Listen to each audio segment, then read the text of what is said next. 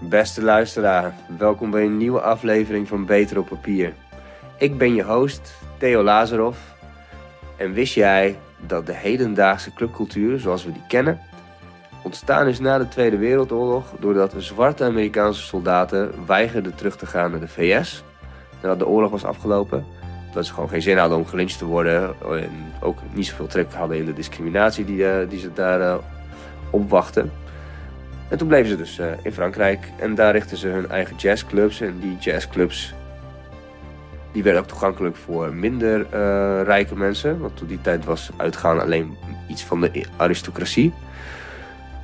En dat groeide uit uiteindelijk tot uh, technobunkers zoals we die tegenwoordig kennen. Maar ook gewoon normale discotheken. Dus clubs. Nou, dat is een mooie random fact toch? Heeft ook alles te maken met mijn gast. Uh, Merlijn Polman, deze aflevering. Dus de nachtburgemeester van Groningen, oud-eigenaar van uh, de Rauwste Kelder tussen 2011 en 2013 aan de Grote Markt in Groningen. Dat waren de gouden jaren. Daar hebben we het nog even over. Subsonic. Als je in Groningen hebt gewoond, dan was dat gewoon een begrip. En ook buiten Groningen was dat ook zo. Daarnaast is Merlijn een, uh, een cultureel ondernemer in hart en nieren. Dus we hebben het over al zijn projecten. Zoals bijvoorbeeld feestjes uh, op de Chinese muur. Uh, Nederlandse DJ's helpen in China om, uh, om, om, wat bekendheid te krijgen, maar ook andersom. Merlijn is naast deze ondernemer ook een groot fan van de Eerste Wereldoorlog. hij vertelt over zijn favoriete battles. En dat zijn echt zo ongelofelijke dingen die daar gebeurd zijn. Ik krijg dus even een geschiedenislesje die ik met uh, klapperende oren heb uh, aangehoord. En we sluiten af met een goede dosis metal talk. Want ja, we delen allebei dezelfde passie. En dat is metal. En Merlijn heeft mij een tijdje geleden geïntroduceerd in de cybergrind metal. En dat is met ja, Libido Airbag. Een van, de, een van de koplopers in die scene. Je, weet dat als je dat soort muziek maakt, je niet rijk wordt. Je, je gaat niet beroemd worden, dus waarom doe je het? Gewoon pure passie. Voor de rest zou ik zeggen, enjoy. Shout-out naar onze matties van Hansemag, met wie we dit samen doen. Beter op papier. Uh, en mijn tag team, Jasper Bosgraaf, Irie Weergang. We zijn te vinden op Spotify, Soundcloud, Podbean en iTunes. En als je daar toch bent, geef zo'n waardering. Hit the lights, man. Ach, gewoon vijf sterren always, weet je. Enjoy, Merlijn Polman.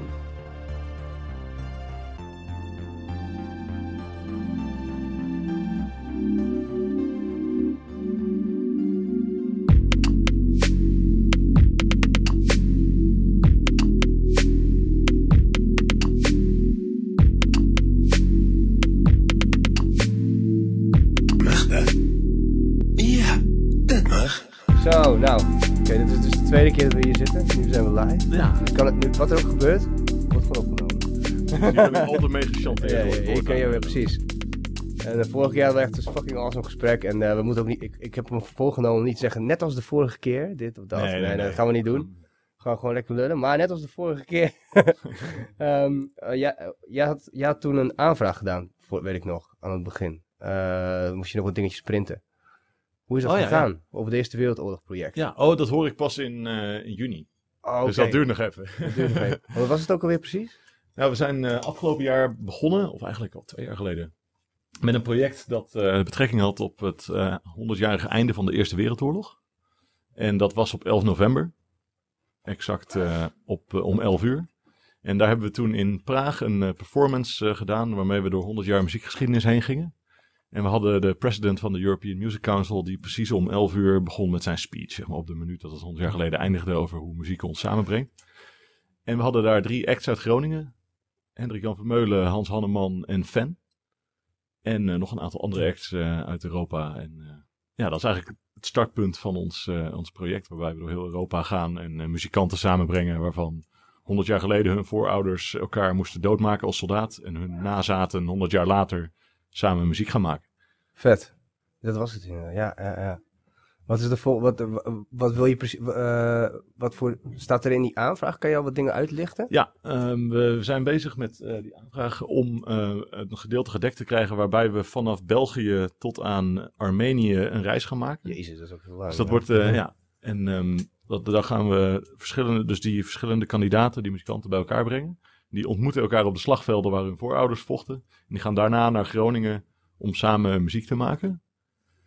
En, al, al, die nationaliteiten? Ja, precies. Dus we hebben oh, een Ier en een Duitser, een Serviër, oh, een um, Italiaan en een Oostenrijker, een Servische dame en een Bulgaar en een Turk en een Armeen. En uh, ja, die, uh, en we gaan dus een mooie route maken, helemaal langs allerlei plekken. Trouwens, we hebben het over Turken en Armenen, maar was het zo dat de Armeense slachting van de Turkije, was dat voor de Tweede, Eerste Wereldoorlog? Nee, dat was tijdens, tijdens, zeg maar. Oh, dat was tijdens. Ja, dus dat, ja, ja. hing allemaal een beetje samen.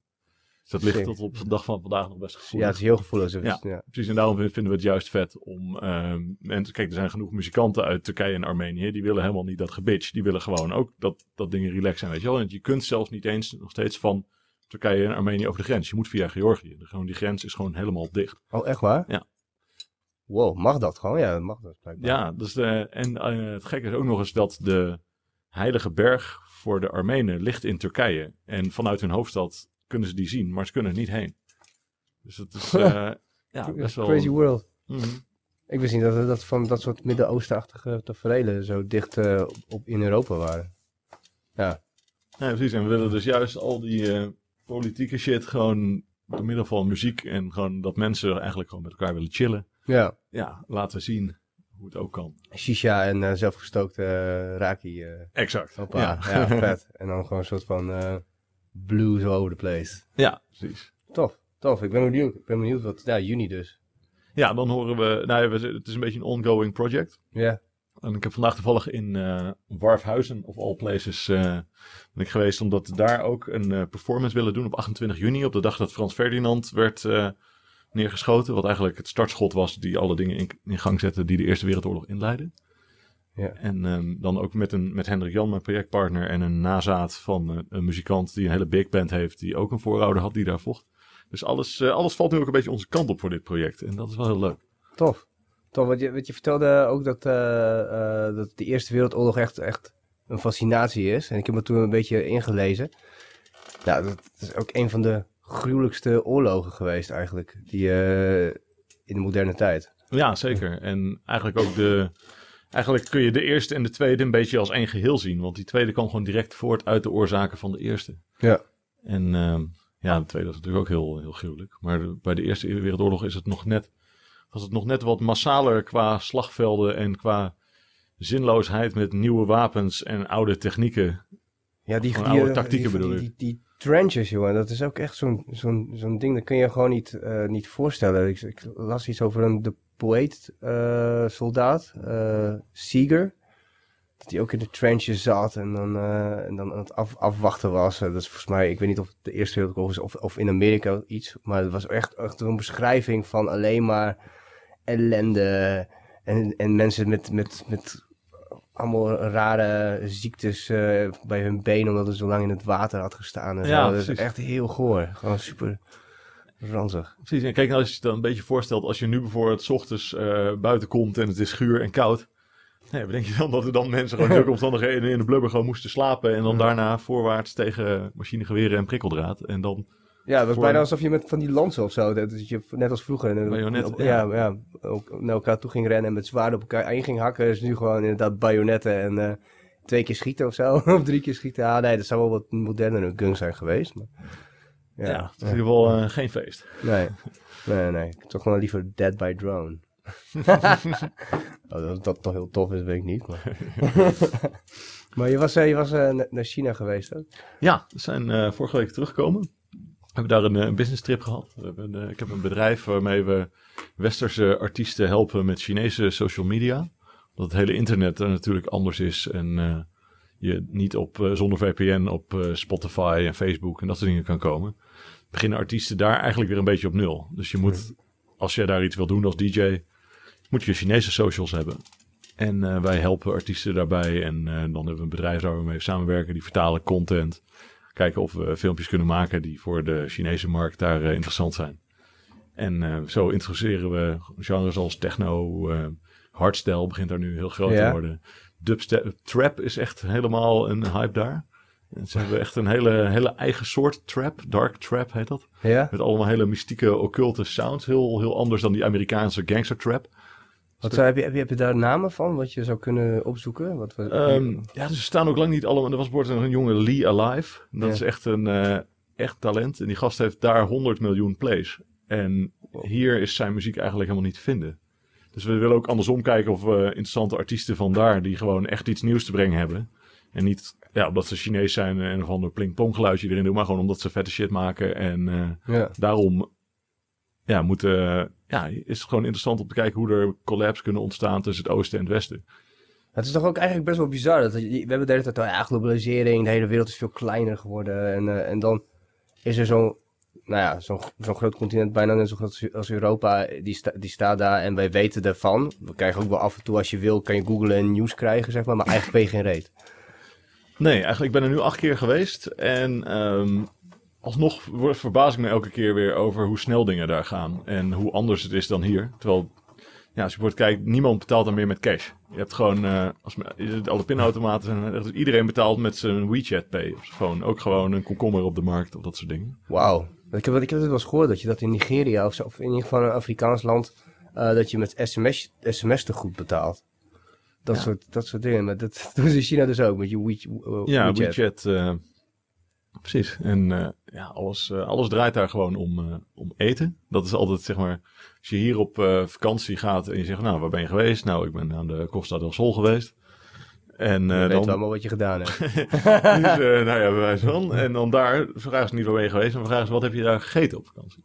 Dus dat, dat is altijd heel grappig. Dat eten is gewoon het, het ding waar we het over hebben. Ik weet niet of je dit wel eens gehoord hebt, maar Hans Halleman, die, die, toen, toen hij hier in, in de podcast was, die vertelde dat hij een Koreaanse eh, band had in zijn studio.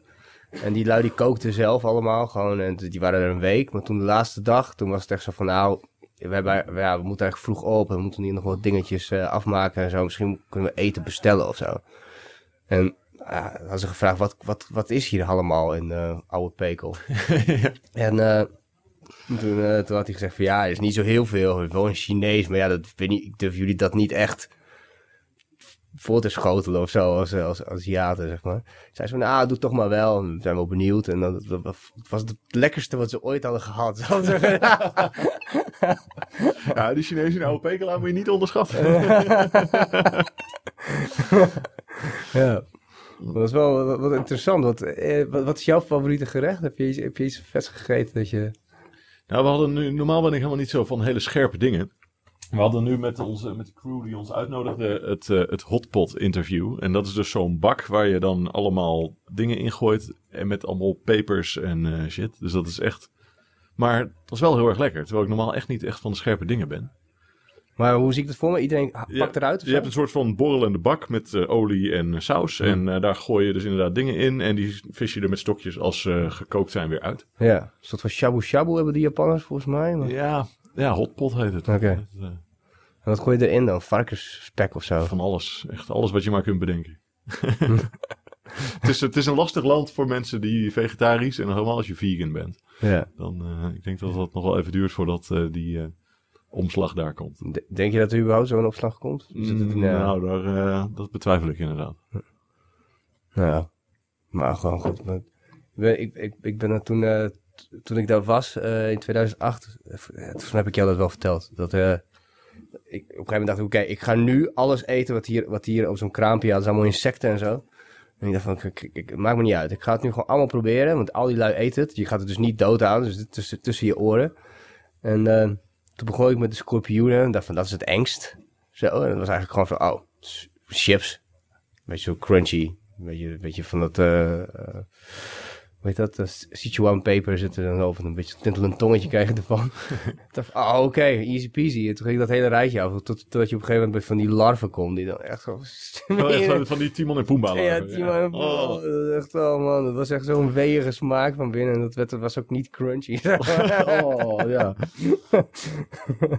Nee, wij werden deze keer uitgedaagd om, om varkenshersen te eten. Oeh. Dus dat, Dat is die scène in Indiana Jones en the Temple of Doom. Dat die, eh, dat ze aan zo'n maal- aan zo'n tafel zitten en dan krijgen ze eerst zo'n soep met oogballen, volgens mij. En dan aan het einde is het eh, het dessert. En dan, eh, en dan zitten ze, oh, eindelijk iets wat we kunnen eten. En doen ze dat klepje zo open en dan is het ehm, brain surprise. En dan is het zo'n hersenen van een aap of zo. weet je wel. en was het lekker? Eh, het smaakte een beetje naar, eh, naar boter. Dus Oh. ja, het was niet eens heel erg vies. Eh, we dachten van, nou ja, oké, weet je, we, zijn beleefd. eh, laten we dit ook maar eens eh, doen dan. Alleen, het, ik had het erger verwacht. Het was niet echt dat ik ja, het zelf thuis zou gaan bereiden. Maar...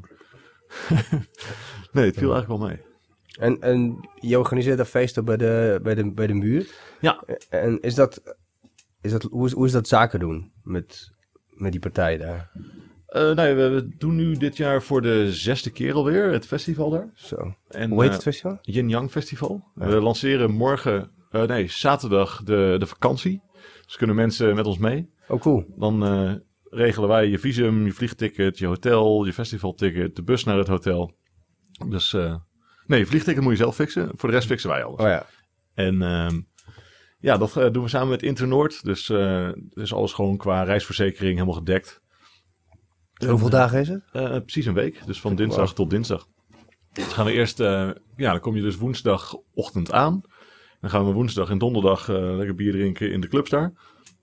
En dan vrijdag om eh, in de ochtend naar het festival. En dat festival duurt twee keer 24 uur tot zondagmiddag. En dan eh, gaan we zondagmiddag eh, flink verrot terug naar Beijing. dan kun je maandag even uitslapen. En dan kun je maandagavond eventueel weer voorwaarts. En dan eh, dinsdag met een goede kater terugvliegen. Dus, Oh eh, ja. Ja, dat is een beetje het eh mayhem schema. Heb je dit al eerder? Is het, is, is, is het een eh, proven concept? Nou, we zijn wel ieder jaar met een groep geweest. Meestal dan met de DJ's of iemand die gewoon gezellig mee wilde. Ja. Alleen dit jaar kunnen we echt eh, met eh, ja, max eh, 50 doen we. Maar eh, we, gaan, eh, ja, we horen begin april of we een bijdrage hebben voor de programmering dat we met eh 20 personen heen kunnen. Mhm. Ook met fan onder andere. En Oh, vet. eh, ja, dat we dus met allemaal live acts gaan. En we hebben sowieso al een stuk of 10 mensen die meegaan. En dan kunnen er dus nog 20 eh, zich inschrijven. En eh, ja, dat wordt gewoon een soort van Oh, schoolreisje. cool. Maar dan eh, met veel laf Chinees Tsingtao bier. Ja. En kippenpoten en sprinkhanen en larven. Ja, alles, Whatever, man. Ja. is dat duur trouwens? Hoeveel, hoeveel, nee, 750 euro. Dat is exclusief je ticket. Ja. En inclusief voor de rest allemaal. En het eten is daar vet cheap.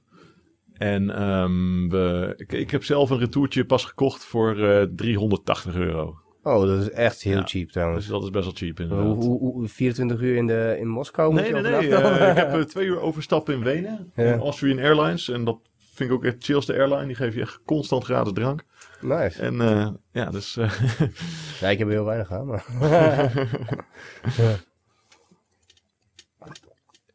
En dat is, dat is in? Ehm, in Tianjin, dat is onze zusterstad. Hm. Nou ja, in de provincie Tianjin. Dus dat is 2,5 uur rijden van Beijing.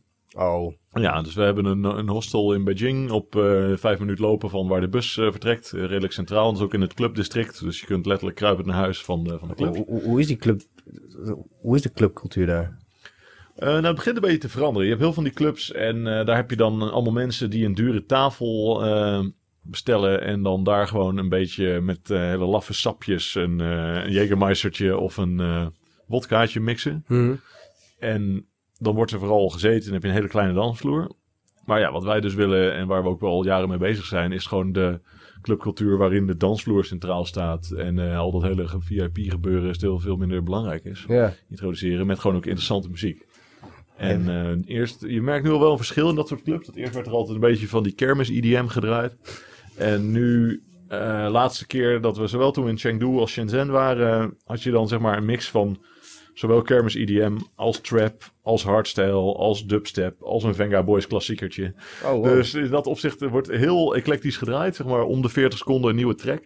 Heel veel non-stop high energy. Dus het is best wel Oh, I love it. Dat vind ik wel mooi. Dat ja, zo- dus je hebt geen moment rust. Ja, ja. maar eh, ja, en dan verder is het gewoon...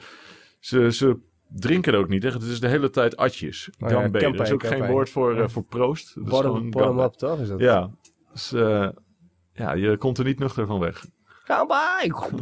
ja, dus, eh, wat, wat, wat is een sterke drank? Is dat... nou, ze hebben hele vieze eh Bejo. Dat is echt 60%. Maar dat drinken mensen ook gewoon een beetje om elkaar te laten zien van... Kijk, ik kan een beetje jou drinken. Ja, ben je tof doen. Ja, precies. En ehm, dus dat is echt niet lekker. En voor de rest eh, eigenlijk gewoon een beetje wodka's en whiskies en eh, cognac. Ja, ik hou niet van cognac. Ja. maar moet je wel zien, ja, ik, ja, ik, ik, ook niet. ik drink niet. Je ziet altijd dus altijd dat je dan dat cognacje, dat al die lui dan zo'n beetje boven hangen met zo'n sigaartje of zo. Dat is een beetje zo'n statusding. Ja, het is dus eigenlijk wel gek, want dan heb je zo'n hele fancy eh, tafel.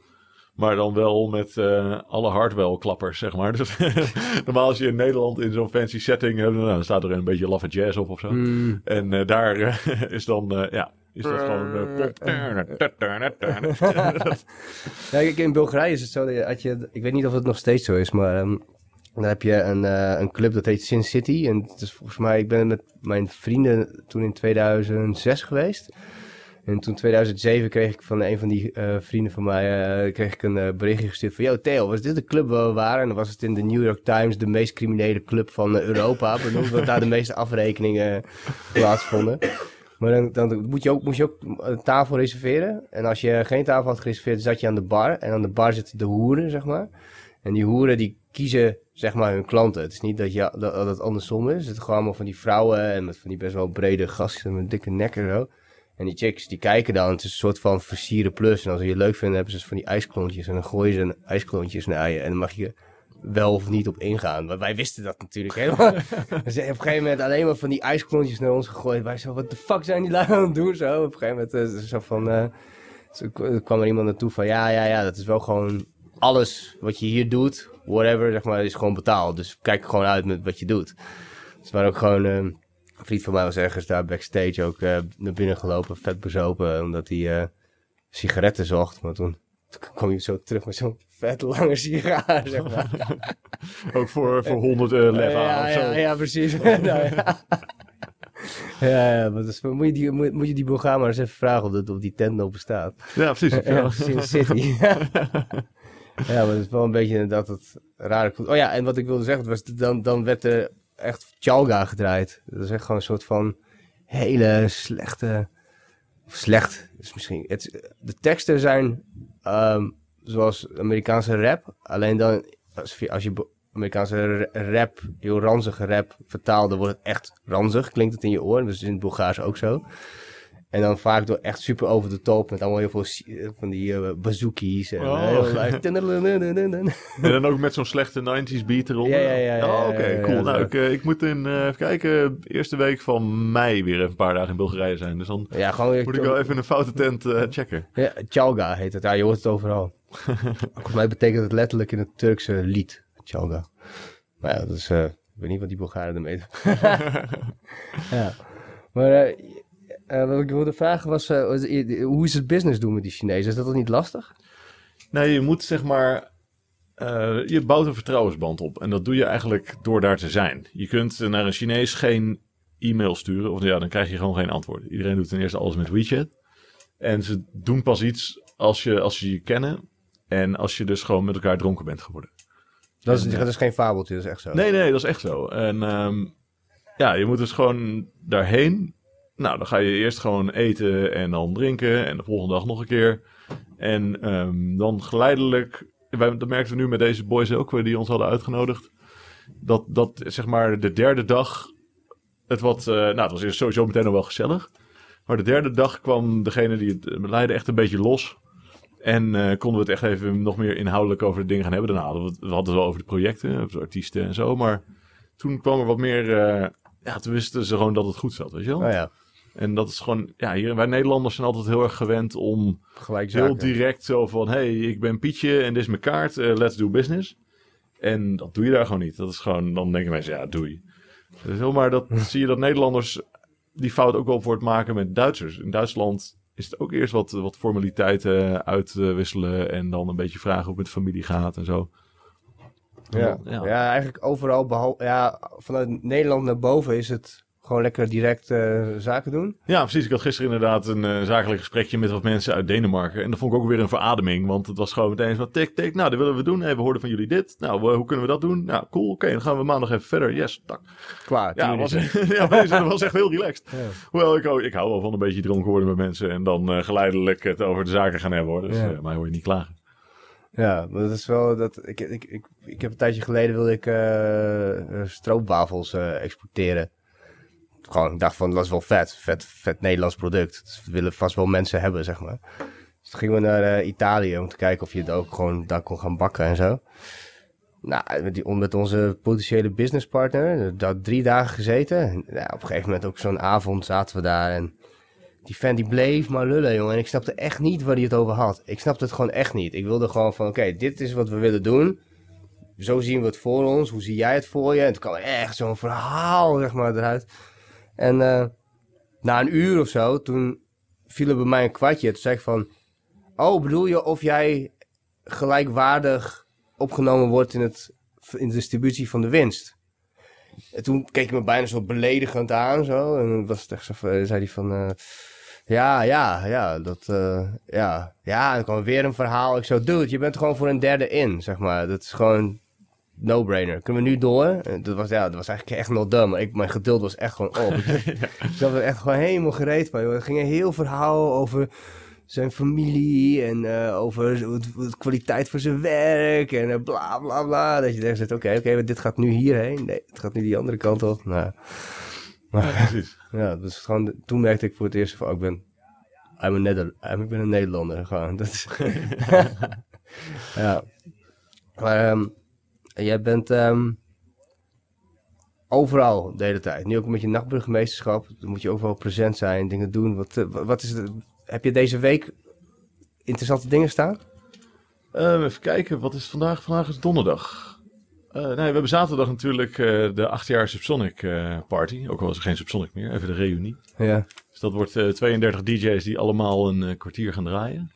En dan de 2011 tot 2013 DJ's, dus Mhm. de Golden Era. En dat wordt eh, chaos. Kaartverkoop zit nu, eh, wat is het, denk ik eh, 90% of zo. Toen Zo. ik net keek, gaat echt hard. Dus we hebben, ik denk dat we morgen wel uitverkopen. Dus Wauw. ja, dat wordt echt mooi. Gefeliciteerd bij de Ja, ik heb er heel veel zin in. En ehm, dat wordt Telefoon, telefoon DJ Merlijn. telefoon DJ Merlijn, uiteraard. Primetime was het toch? Ja, maar ik had een, iemand die ik... eh, Supermarché, die had ons filmpje heel goed geëdit. Of eh, 24 uur in editing gedaan. En die had ik een goed slot beloofd. Alleen die had ik toen iets te laat neergezet. Dus daar heb ik even mee geswitcht. Dus nu zei ik om kwart voor vijf. En nu staan zij eh, even half drie. Oh. Ja, ik dacht, ja. En er is één uitgevallen. Dus misschien eh, doe ik ook nog even om kwart over elf een... eh, Opwarmsetje. Een, eh, ja, een telefoon die je maar alleen opwarmzetje. Dat wordt Ja. ook niet best. Heb je al favoriete nummertjes die je zo van the top of your head sowieso gaat draaien? Ja, ik denk dat ik het nummer De Moeder van Tripped wel ga draaien. Dat is, eh, ik ben normaal niet echt van de uptempo hardcore, maar dat nummertje vind ik wel echt heel lekker. En aangezien we bij de sub altijd slechte moedergrappen hadden en eh hier goede quotes in zitten, dacht ik van, nou, dat is wel een nummertje dat echt goed eh, op de avond past. En eh, ja, wat klassiekertjes uit die tijd. Dus Ja. mensen die erbij willen zijn, eh, wees er vooral bij, want dit wordt, eh, wordt ernstig. ja. Legend, wait for it. Derry. En ik zie ook heel veel mensen die een kaartje hebben gekocht die ik al jaren niet meer op feestjes hebben gezien. Dus het Oh, wordt leuk. volgens mij weer echt eh, oude bekenden weer zien. Dus dat wordt wel echt heel erg leuk. Wat gewoon mayhem. Ja, het wordt... ik- Worden er weer bouncers geschonken of niet? Ja, in de graanfabriek hebben ze gewoon lemon bounce op het, eh, in het assortiment. Dus eh, dat... Maar ik dacht, dat het, ik dacht dat het iets van jullie was toen de tijd. Dat, Nou ja, het was eigenlijk gewoon altijd Bacardi Lemon met eh, heel veel ijs en een klein beetje Pepsi uit de postmix. Ja. Dat was zeg maar het gouden recept. Dus het smaakt toch weer anders dan Pepsi uit de fles. ja, het smaakt wat, eh, wat meer naar Spa zeg maar. Ja, het is gewoon een beetje zoals je vroeger in de bioscoop ook wel had, weet je Ja. wel. Eh, dat eh, is net wat, wat luchtiger en dat, dat gaf de bounce echt zo dat, dat frisse, waardoor je gewoon 10 bounce kon drinken en gewoon nog steeds aan bounce kon zijn. Dat, dat is sowieso een beetje ontstaan. Of nee, nee, hij is eigenlijk ontstaan doordat we er niet echt een naam voor hadden. En toen zei iemand, hey Marlijn, ja, hoe, hoe moeten we dit nou noemen? En het woord bouncen was altijd een synoniem voor alles dat een beetje positief was. Dus eh, of je nou gewoon eh, een feestje op de muziek aan bouncen was, of eh, met je vriendin aan bouncen, of bouncen kon van alles zijn. En dat was Bacardi Lemon, dus dan zeiden we, nou, Lemon Bounce.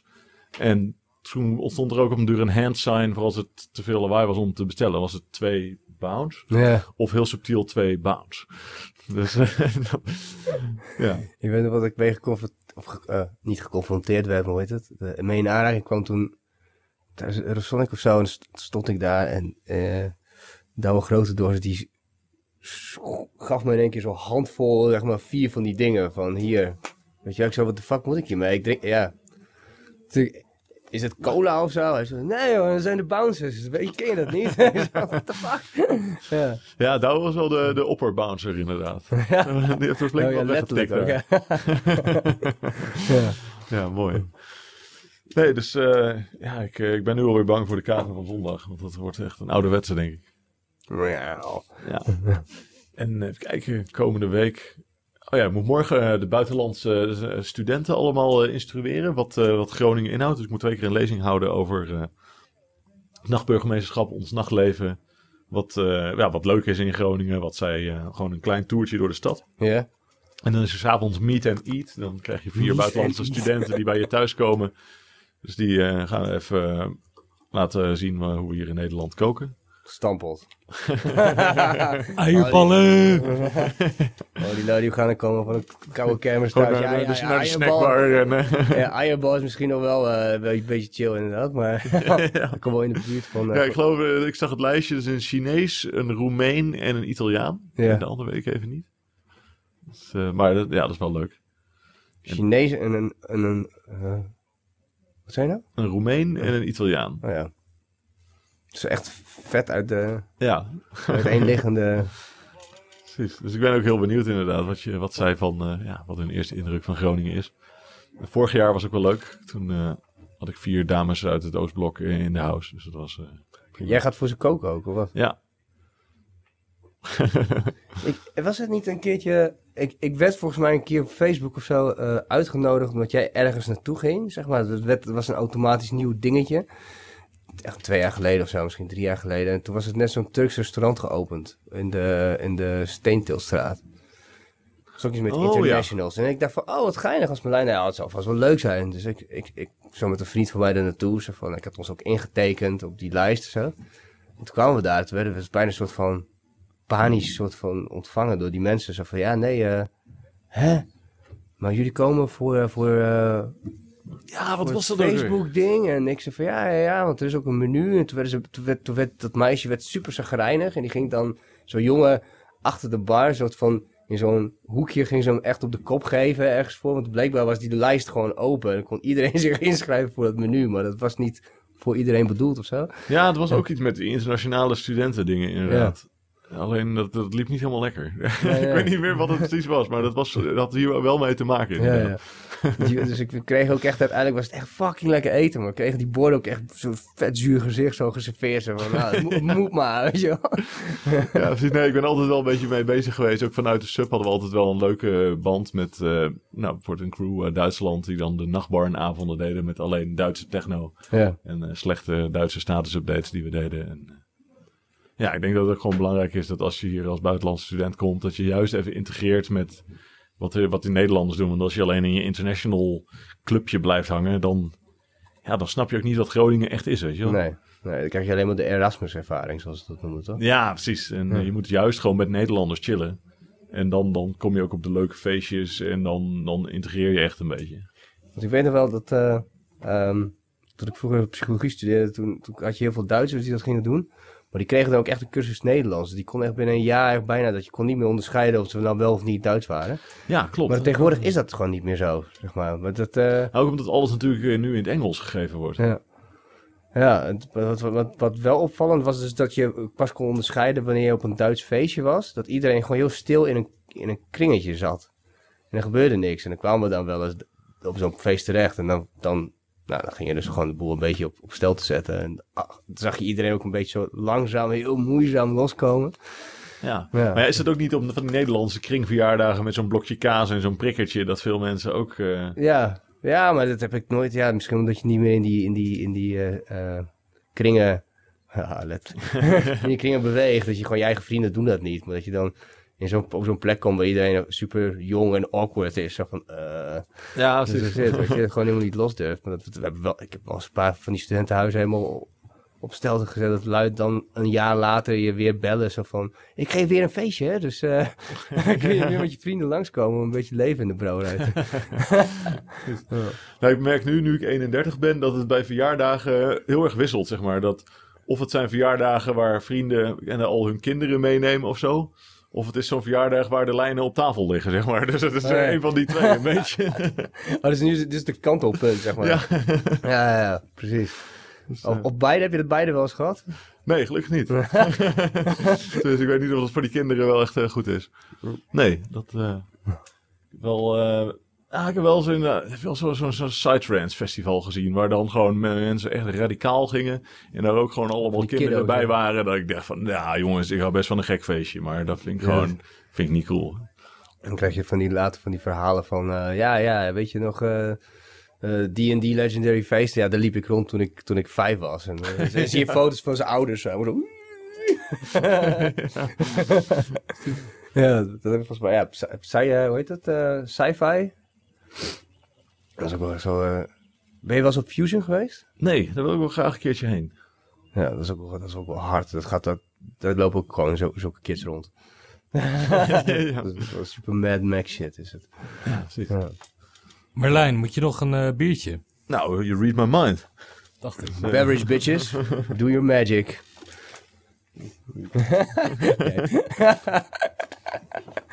Ja, Jasper, die, voor de uitzending eh, zei hij al dat hij als je een biertje of zo wil drinken dan moet je mij roepen. Toen had ik hem gelijk omgedoopt tot de beverage bitch. Heel goed. Ehm, eh, die brand, die ziet er wel vers uit. Zeker. Heb, maar heb je wel eens dat je, dat je dan zoveel shit eh, moet doen en zoveel aanwezig moet zijn bij dingen, gewoon in de loop van, in de afgelopen jaren, hè? niet alleen nu dat je nachtburgemeester bent. Maar dat je dacht van, ja, ik trek het helemaal niet meer. joh. Ehm, ja, ik ben op zich wel een, een druk persoon. Dus ik, ik hou wel heel erg van dat er steeds iets gebeurt. Maar ik heb inderdaad wel eens het moment eh, dat het echt even wat veel is. Maar ja, dat is dan even één dagje. En dan word ik volgende dag weer wakker. En denk ik van, yeah. Dus- Het is niet dat je denkt van, zo, jezus, als dit nog een jaar doorgaat, dan trek ik het echt niet meer. Nou, ik begin juist wel nu ik ehm, ja, gewoon een beetje in mijn rol groei, zeg maar. Ehm, ik ben ook steeds meer lijstjes aan het maken en in Slack eh, gewoon voor mijn, niet zozeer voor, ja, ook wel voor de projecten, maar ook gewoon voor mijn leven. Dingen echt een beetje aan het ordenen. Dat deed ik vroeger eigenlijk nooit. Ik heb nu ook wel een, eh, nou, mijn agenda in mijn telefoon zit wel echt eh, redelijk vol, maar dan zie ik wel elke dag gewoon, nou, deze, deze, deze afspraak, dit zo, even een remindertje voor dit en ja, daar functioneer ik ook wel weer goed op. Dus ehm, ik, ik zou absoluut geen 9 tot 5 baan kunnen hebben. En nu, nu deel ik gewoon mijn eigen leven in. Heb ik daar ook mijn inkomen wel mee. En kan ik gewoon doen wat ik wil. En is dat inderdaad de, de andere kant daarvan dat het gewoon heel erg druk is. Maar ja, ik zou ook niet anders willen. Oké. Want ik merk zelf dat, dat, dat ik daar wel, naarmate ik ouder word, zeg maar, dat ik wel moeite mee begin te krijgen. Ik ben er zeker van de lijstjes. A sucker for to-do list. Maar op een gegeven moment dan moet ik me ook... Vroeger moest het alle, alle antennes, zeg maar, overal op gericht zijn. En nu wordt het steeds meer dat ik... Nou, misschien twee jaar geleden voor het eerst bij mezelf dacht... Oh, dit bedoelen mensen als ze zeggen van... Ik moet even alleen zijn of zo. Heb je, heb je dat wel eens? Ik moet wel eens alleen zijn? Nou ja, ik, ik, ik, hou ook, ik ben best denk ik een sociaal persoon. Maar ik hou heel erg van alleen zijn ook. En ehm, ik zit best veel in de trein. En dan zet ik muziekje op. even, en dan kom ik best wel goed tot rust ook. En dan... ehm, dus ja, en ik ga ook vaak eh, in mijn eentje naar feestjes. Hmm. En dan kom ik wel geregeld eh, mensen tegen die ik ken. Maar ehm, ja, ik vind het heerlijk om gewoon ergens eh, op avontuur te gaan in mijn eentje en al te zien waar het, eh, waar het strand, zeg maar. Deed je dat altijd al? Nou, ik ben altijd wel. ehm, ja, ja, ik denk het wel. Ik ben al vanaf dat ik jong ben. Even kijken, ik denk de eerste keer toen ik 15 was, ging ik in mijn eentje naar, naar Polen. We hadden een uitwisseling gehad met, eh, met de middelbare schoolklas. En dat was wel gewoon heel gezellig. En toen ging ik, nou, vond ik best wel spannend natuurlijk. Want eerst met de trein naar het buitenland. En daar had je ook nog. ja, ik had toen wel een mobiele telefoon, maar het was. Het was allemaal niet, je had geen Google Maps of zo, weet je wel. Dus je moest maar net eh, hopen dat je werd opgehaald. En ehm, alleen, ja, dat, dat trok me wel. En Had je dat zelf geregeld ook, dat, dat je er naartoe kon gaan? ja, ik had gewoon eh, met eh, contact gehad met dat meisje nog die, van die uitwisseling. En zei van, nou, kom ik wel een keer naar Polen. Dat was nog, ja, dat was nog, zij waren in Nederland geweest. En nog voordat we met de klas de uitwisseling daar hadden, dacht ik, nou, ik ga gewoon die kant even op. En ja, dat was wel gek. En dat was ook dan echt in zo'n zo'n eh, Oostblokbuurt. Waarvan zij ook zei van nou, als jij hier in je eentje loopt, dan word jij door de guys uit de buurt in elkaar geslagen, want ze kennen je niet. En Mhm. nou, kijk, goed dat ik dat achteraf wist. Maar ja, ze kende haar en haar broer dan weer wel. Alleen, en ik weet dat ik ben heel erg dronken geworden. En toen was ik 's ochtends, moest ik echt radicaal kotsen. En ik hing uit zo'n zo'n grijze flat. En ik keek zo naar buiten en de zon kwam op. En ik voelde me echt beroerd. Maar ik dacht van, ja, dit is wel die echte real experience of zo, weet je wel. Ja. En ja, sindsdien ben ik altijd wel. ehm, ja, ik heb altijd wel gewoon willen reizen en nieuwe gekke plekken zien. En juist ook helemaal niet toeristische plekken, maar waar gewoon het leven is zoals mensen gewoon leven. Weet je? Dus dat, eh, Wat grappig, want hoe, hoe werd je daar onthaald in, in, in Polen? Want ik, ik weet vanuit Bulgarije, als iemand dan, vooral in Nederland of iemand uit het Westen, dan daar naartoe zou komen, dan, dan, dan gaat het in het huishouden de boel op stel. Dus oh nee, er komt een hele belangrijke gast. ja, dat was helemaal in een plek waar eigenlijk geen ruimte was. Hadden ze een bed voor me gemaakt en ik werd echt de hele tijd volgestopt met eten. en, precies. eh, ja, het was, ik werd echt zo gastvrij eh opgepikt. Dus ja, dat was wel mooi. Cool, en daarna zijn jullie nog een keer geweest. Ja, toen met de klas inderdaad. ja, top. Dus, eh, ja, nee, dat was denk ik inderdaad de eerste keer. En daarna ben ik altijd wel... Ja, gewoon eerst vroeger dan de metalconcertjes. Nou, dat ging ik vaak met mijn broertje en wel vrienden. Maar eh, toen vanaf de subtijd, toen ik een beetje in die dance kwam... Dat heb ik wel gewoon... eh ben ik het wel heel leuk gaan vinden om af en toe gewoon zelf in mijn eentje naar Amsterdam naar een feest te gaan. Of, en dan gewoon... Ja, dan, soms is het wel omdat je een DJ kent of zo. En dan ga- spreek je daar even mee. Maar ja, als je in je eentje ergens heen gaat, dan zit je ook aan niemand vast. En dan kom je ook in het rookhok met hele leuke mensen in gesprek. Met wie je niet in gesprek komt als je gewoon samen met iemand gaat. Ja, Of ik ga ook vaak met mensen samen naar feesten waarmee ik weet dat ik ze drie uur kan kwijtraken. En dan spreken we om eh, twee uur weer eens een keer af. En dan zeggen we, hey, dat zie je dan daar. En dan, dus dat, dat vind ik wel heel fijn. ja, dat heb ik ook op zich wel. Dat je dan gewoon, dat je kan, kan struinen. Ja, precies. En ik vind echt niks erger dan als je met een groep met zes man... Ah, die moet pissen. En dan denk ik van, oh, dan, ben ik echt na play. vijf minuten weg. Ja, ja, ja. Dat trek ik heel slecht. ja, dat... eh we hadden dat op Fusion, dat we op een gegeven moment eh, met, met zo'n groep waren. En ehm, ik ben als ik, als ik met, eh, met, met, met, andere mensen ben, ben ik wel me- meer geneigd naar wat jij doet. Als ik met mijn vriendin ben, dan is het toch meer zo van, ja, dan, ik ga niet alleen laten, zeg maar. Nee, Eh, precies. Maar ehm, eh, toen op een gegeven moment was het echt zo druk, jongen. Het was echt, eh, normaal, eerst kon je, zeg maar zo, als je een beetje op je tenen ging staan, kon je de bar zien. En echt, volgens mij, voor mijn gevoel, een half uur later dacht ik, ik ga even naar de bar. En ik keek zo en ik zag gewoon niks, dan, niks anders dan gewoon mensen, mensen, mensen. Dus op een gegeven moment raakten we die groep ook kwijt. Maar toen kwam er ook zo'n gevoel van, oeh, oh, dus ja, het is overmacht, weet je? Nou, avontuur. Ja. Wow, let's, let's fucking do it. Ja. Nee, dat is heerlijk. Dat heb ik ook met, met ADE bijvoorbeeld. Dan ben ik vijf dagen pit ik bij een maat van mij in, eh, in Amsterdam. Heb ik een OV-fiets en zijn huissleutel. En dan eh, ga je gewoon van feestje naar feestje, naar netwerkbol, naar event wat je zelf organiseert. En ja, totale vrijheid. Dat, eh, Ja. dat vind ik mooi. Maar heb je, heb, je, heb je dan niet dat je een beetje verlegen bent of zo? Of, dat, of hoe, hoe gaat dat eerste contact of zo? Want ik kan me, dat, wat jij beschrijft kan ik me inbeelden. Maar dan, dan, ik, ik ben een vrij verlegen persoon die dan als hij ergens ko- komt waar je niemand kent... dan ga ik wel een beetje van, oh shit, oké. En nu dan? Ja, nee, op zich eh, denk ik dat ik wel redelijk makkelijk contact maak. Dus ik vind het juist altijd... Je hebt altijd mensen die dan of ook in zo'n situatie zijn... of die juist bijvoorbeeld wel een beetje eh, niet zo goed weten wat ze willen... maar eigenlijk ook wel gezellig met even iemand kletsen. En dan vind ik het vaak wel leuk om even gewoon een, een random iets te zeggen... om even gewoon het ijs te breken en dan gezellig... eh, ja, dan rook je een keer een joy met iemand of je proost even... en dan blijkt dat soms opeens ook weer iemand te zijn die dan iets vergelijkbaars organiseerde. Op een of andere manier kom je altijd hele, eh, ja, heel veel mensen tegen die dan ook weer andere mensen blijken te kennen. En ja, in je Ik eentje. bedoel, als dat je dan zei van, nou, ik ben die en die. En dan zeg je, oh ja, ik eh, ken jouw werk. Of ik ken jouw shit. Ja, in, eh, op zich, ja, de laatste jaren wel steeds meer. Maar kijk, vroeger natuurlijk met de sub hadden we heel veel DJ's uit het hele land. Gewoon, en vier dagen in de week waren we open. Dus je hebt heel vaak, als je dan ergens, of het nou in drum bass of met de techno scene is, en je kent iemand, en dan denk je, oh, die, hè, en dan ken je die ook wel, ja. En dan het is altijd heel grappig om een beetje die, die, die kringen te zien. Of het nou iemand uit meer de deep house, minimal hoek is. Of meer uit de dark techno. Of meer Mhm. uit de harde drum en bass. Of zijn toch heel, ja, eigenlijk is, is Nederland best een klein land. En heb je die scenes zijn mensen wel weer aan elkaar verbonden. En dan kijk je even op Facebook en zie je van, oh, 64 gemeenschappelijke vrienden. Oh, haha. Weet je wel? Dus eh, in dat opzicht eh, is in de muziekscene ben je ook niet zo snel alleen. Ik was pas ging ik alleen naar eh, Eindhoven. En ik moest even wat voor ons China-project overleggen met Tommy, die daar nu woont. En ik dacht, ging naar DJ Terra. Die had een solo night in de Effenaar. En ik had ooit met mijn metalband in 2008 een keer gespeeld, maar verder niet. En ik kom daar en ik raak met wat mensen in gesprek. En dan was dat weer een vriendin van Loesje die bij ons in de sub werkte. En die daar dan woonde. Weet je wel? En ja, ja, dan zie je eigenlijk dat overal in het land kom je altijd wel weer bekenden tegen. wat grappig, wat grappig. Ja, ik zeg dat, dat is een aanrader in je eentje op pad. Ja, iedereen die dit ziet, dat eh, Doe is het. het eh, beste wat je kunt doen eh, als je het nog nooit gedaan hebt. Dus, eh, ik denk dat weinig mensen zal tegenvallen. Ik heb dat als pers natuurlijk wel, wel, ehm, wel vaker. Dat, is zo'n soort bepaalde gewenning, maar dan dat is anders. Dan ben je een soort van, je bent dan eh, dingen aan het observeren, je bent het stuk aan het bouwen in je hoofd of zo.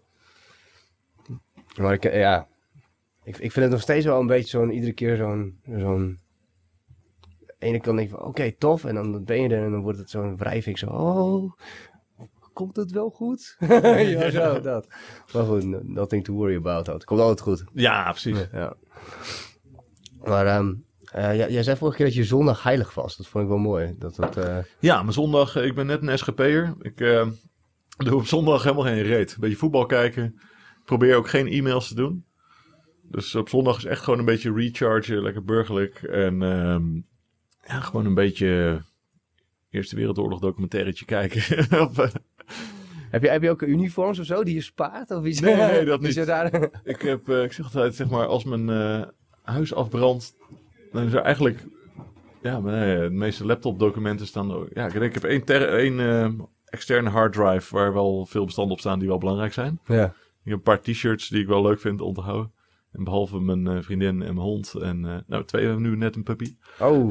ja, sinds een paar dagen. Geboren van jouw hond? Of, nee, dat niet. Nee, gewoon Gekocht? uit, uit Roemenië. Zat in een, in een dode cel. Heel zielig. En, Oh. eh, maar eh, nu eh, is ze met zo'n met zo'n hondentransport hierheen gekomen. Hoe heet ze? Bo heet ze. Bo. Ze heet al Bo. Ik dacht, nou, laten we haar gewoon eh, Ja. Bo. Dus, ehm, nee, maar ik heb verder weinig spullen. Ja, nou, ik heb wel wat boeken die ik tof vind. Maar Maar die zitten hier. nee, Welke boeken dan? eh, ja, dat zijn ook weer vooral Eerste Wereldoorlog boeken. Nou, als- als je eens Eerste Wereldoorlog boek zou mogen aanraden, welke zou het dan zijn? Eh Passchendaele, The Untold Story. Dat eh, is vrij technisch. Het gaat de derde slag bij Ypres. Dat is echt, denk ik, eh, misschien wel de allerergste. Die was van juni 1917 tot november. Er zijn een half miljoen mensen doodgegaan op, Half op, miljoen ja, mensen? op acht kilometer. Voor een stukje terreinwinst dat een paar maanden later in een tactische terugtrekking weer werd opgegeven. En eh, Wow. ja, en dat is gewoon in Ypres. Ik ben nu ook een paar keer geweest in België. We waren daar in november na ons gebeuren in Praag. En dan sta je op de heuvel. En dan eh, was er was een stukje waar de Canadezen de laatste paar dagen, een paar honderd meter, moesten afleggen tot de kerk van Passchendaal. En daar waren nog even 4000 man dood gegaan voor die paar honderd meter. Gewoon voor een stukje blubberige heuvel met niks. En waar ze gewoon tussen door de lijken moesten stappen. En dat is gewoon elke stap die je zet. Nou, gewoon dat soort shit. Weet je wel. Oh man. En we spraken daar een Canadees. En eh, we hadden een camera en microfoontje bij ons. En eh we zeggen, nee, meneer, mogen we u even interviewen? Hij zo, eh, ja, ja. eh, ik ben normaal, spreek ik wel als verzekeringsadviseur. Maar ik vind het op camera wel een beetje spannend. Ik zeg, nee, no worries. ehm, we willen gewoon heel graag weten wat u hier doet. Hij zegt, nou, mijn voorouder eh, vocht hier. En ik, eh, ik heb een foto van hem meegenomen. Dus opeens pakt hij zo'n foto erbij. Van zijn, zijn opa. Hij was in de, in de 50, denk ik. En eh, toen zei hij eh, daarna, ja, mijn moeder was hier altijd graag bij geweest, maar die eh, ja, is helaas overleden. Pakte hij opeens een foto van zijn moeder erbij. wow. En het was net alsof we het gewoon geanceneerd hadden. Nee. Dus ja, dat was echt heel vet. En toen een dag later waren we op Hill 60. En daar zijn ook echt de heftigste slagen ongeveer gevoerd. En daar kwamen we een Australiër tegen, die er was, was 79. En zijn vader had nog in de loopgraven gevochten. En die was overleden toen hij 25 was. Dus we hadden eigenlijk een first-hand conversation met iemand ja, die gewoon nog van zijn vader de loopgraaf verhalen had gehoord. Ja. En hij was dan weer met zijn zoon, die was een jaartje of 45. En nou, dat interview met die man, ik, ik heb normaal best wel een, een praatje, ik niet om een praatje verlegen, maar ik was gewoon even, Stil. even stil. En ik dacht van, wow, heftig, weet je wel, echt, echt heel mooi. En toen, nou, eh, daarna waren we klaar met het gesprek en die zoon ondersteunde zijn vader, was er een beetje glibberig. De zon ging onder en we filmden dat en ze gleden een beetje half die heuvel af. En het was gewoon die, die derde generatie die op de plek waren waar hun vader, opa, en dat, ja, dat was gewoon perfect materiaal. En dat, dat gaan we gebruiken in een trailer voor ons project. Ja. En ja, dat deed me toch gewoon wel veel. Ja, dat is ook echt. Ik, ja, ik bedoel, je hebt het er nu over, zeg maar, en dan visualiseer ik het en dan. Dan, dan doet het al bijna een beetje pijn. Want je, je, je hoort gewoon verhaal. Oké, Eerste Wereldoorlog, Tweede Wereldoorlog, bla, ja, dood, dood, dood. Maar je, het moment dat je een beetje gaat visualiseren wat zoiets, wat zoiets betekent. Bijvoorbeeld, eh, nou, daar hebben dat je over liken, dus 4000 man. Dat is echt fucking veel. Ja, gewoon zeg maar Ja. van hier tot aan de eh, domino's daar, Ja. dat stukje. Dan 4000 man. je. Omdat daar gewoon allemaal lijken liggen waar je dan overheen loopt. En dan zat er nou een mitrailleur of zo op, de, op dat heuveltje? Die gewoon een beetje tat, Ja, over- kijk, die Duitsers hadden daar, die hadden gewoon een soort, die waren ook niet van plan om verder te gaan. Die hadden zich gewoon met allemaal bunkers ingebouwd. Ja. Dus eh, het trieste was worden dat de Canadese generaal, meneer Curry, die eh, eerst deden de Britten het. Toen eh, lukte het dus niet echt. Toen stuurden ze de Australiërs.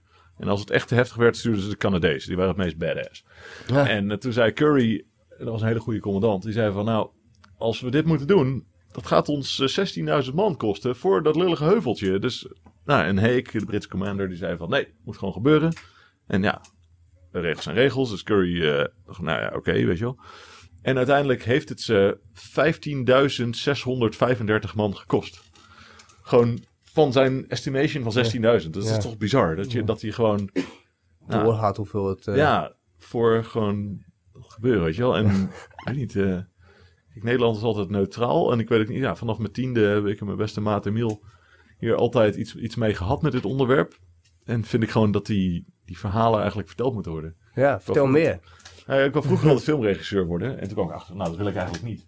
Want dus was ik wel met filmregisseren bezig gegaan. Alleen als je dan klein bent, bedenk je niet dat, je eigenlijk misschien, dat ik eigenlijk misschien beter producent kan worden. Want als producent ben je eigenlijk nergens goed in, maar laat je andere mensen die ergens goed in zijn dat doen. Ja. En nou, dat is precies altijd een beetje mijn taak. Weet je, ik werk gewoon met veel leuke mensen samen die iets kunnen.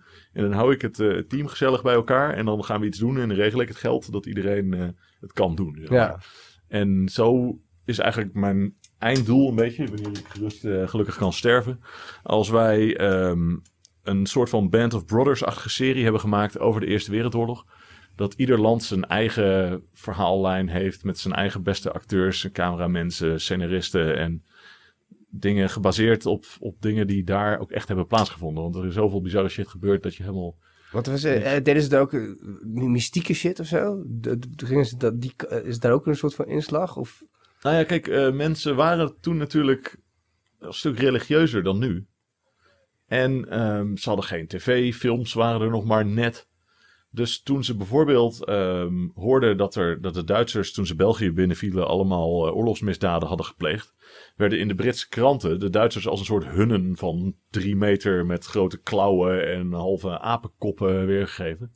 En er waren dus echt Britse soldaten die dachten dat ze tegen dat soort hunnen gingen vechten. Sick. En toen op den duur kwamen die Duitsers uit de loopgraven en waren gewoon en dan zagen ze van, shit, dit zijn gewoon mensen net als wij.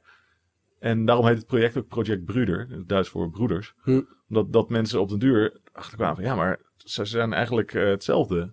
En daar is het ook, ook met eh, die, die vrede die iedereen misschien wel kent van kerst. Dat ze toen even met elkaar gingen voetballen en even een paar dagen niet elkaar beschoten in 1914. Ja, dat, dat, ik, ik, ik weet, er staat me eens bij zoiets, maar ik weet dat... Ja, Dat is allemaal heel waardig hoor. Het is allemaal, ik, wat, wat ik over de Eerste Wereldoorlog weet, is volgens mij drie kantjes uit een geschiedenisboek van de middelbare school. Dat is echt niet veel.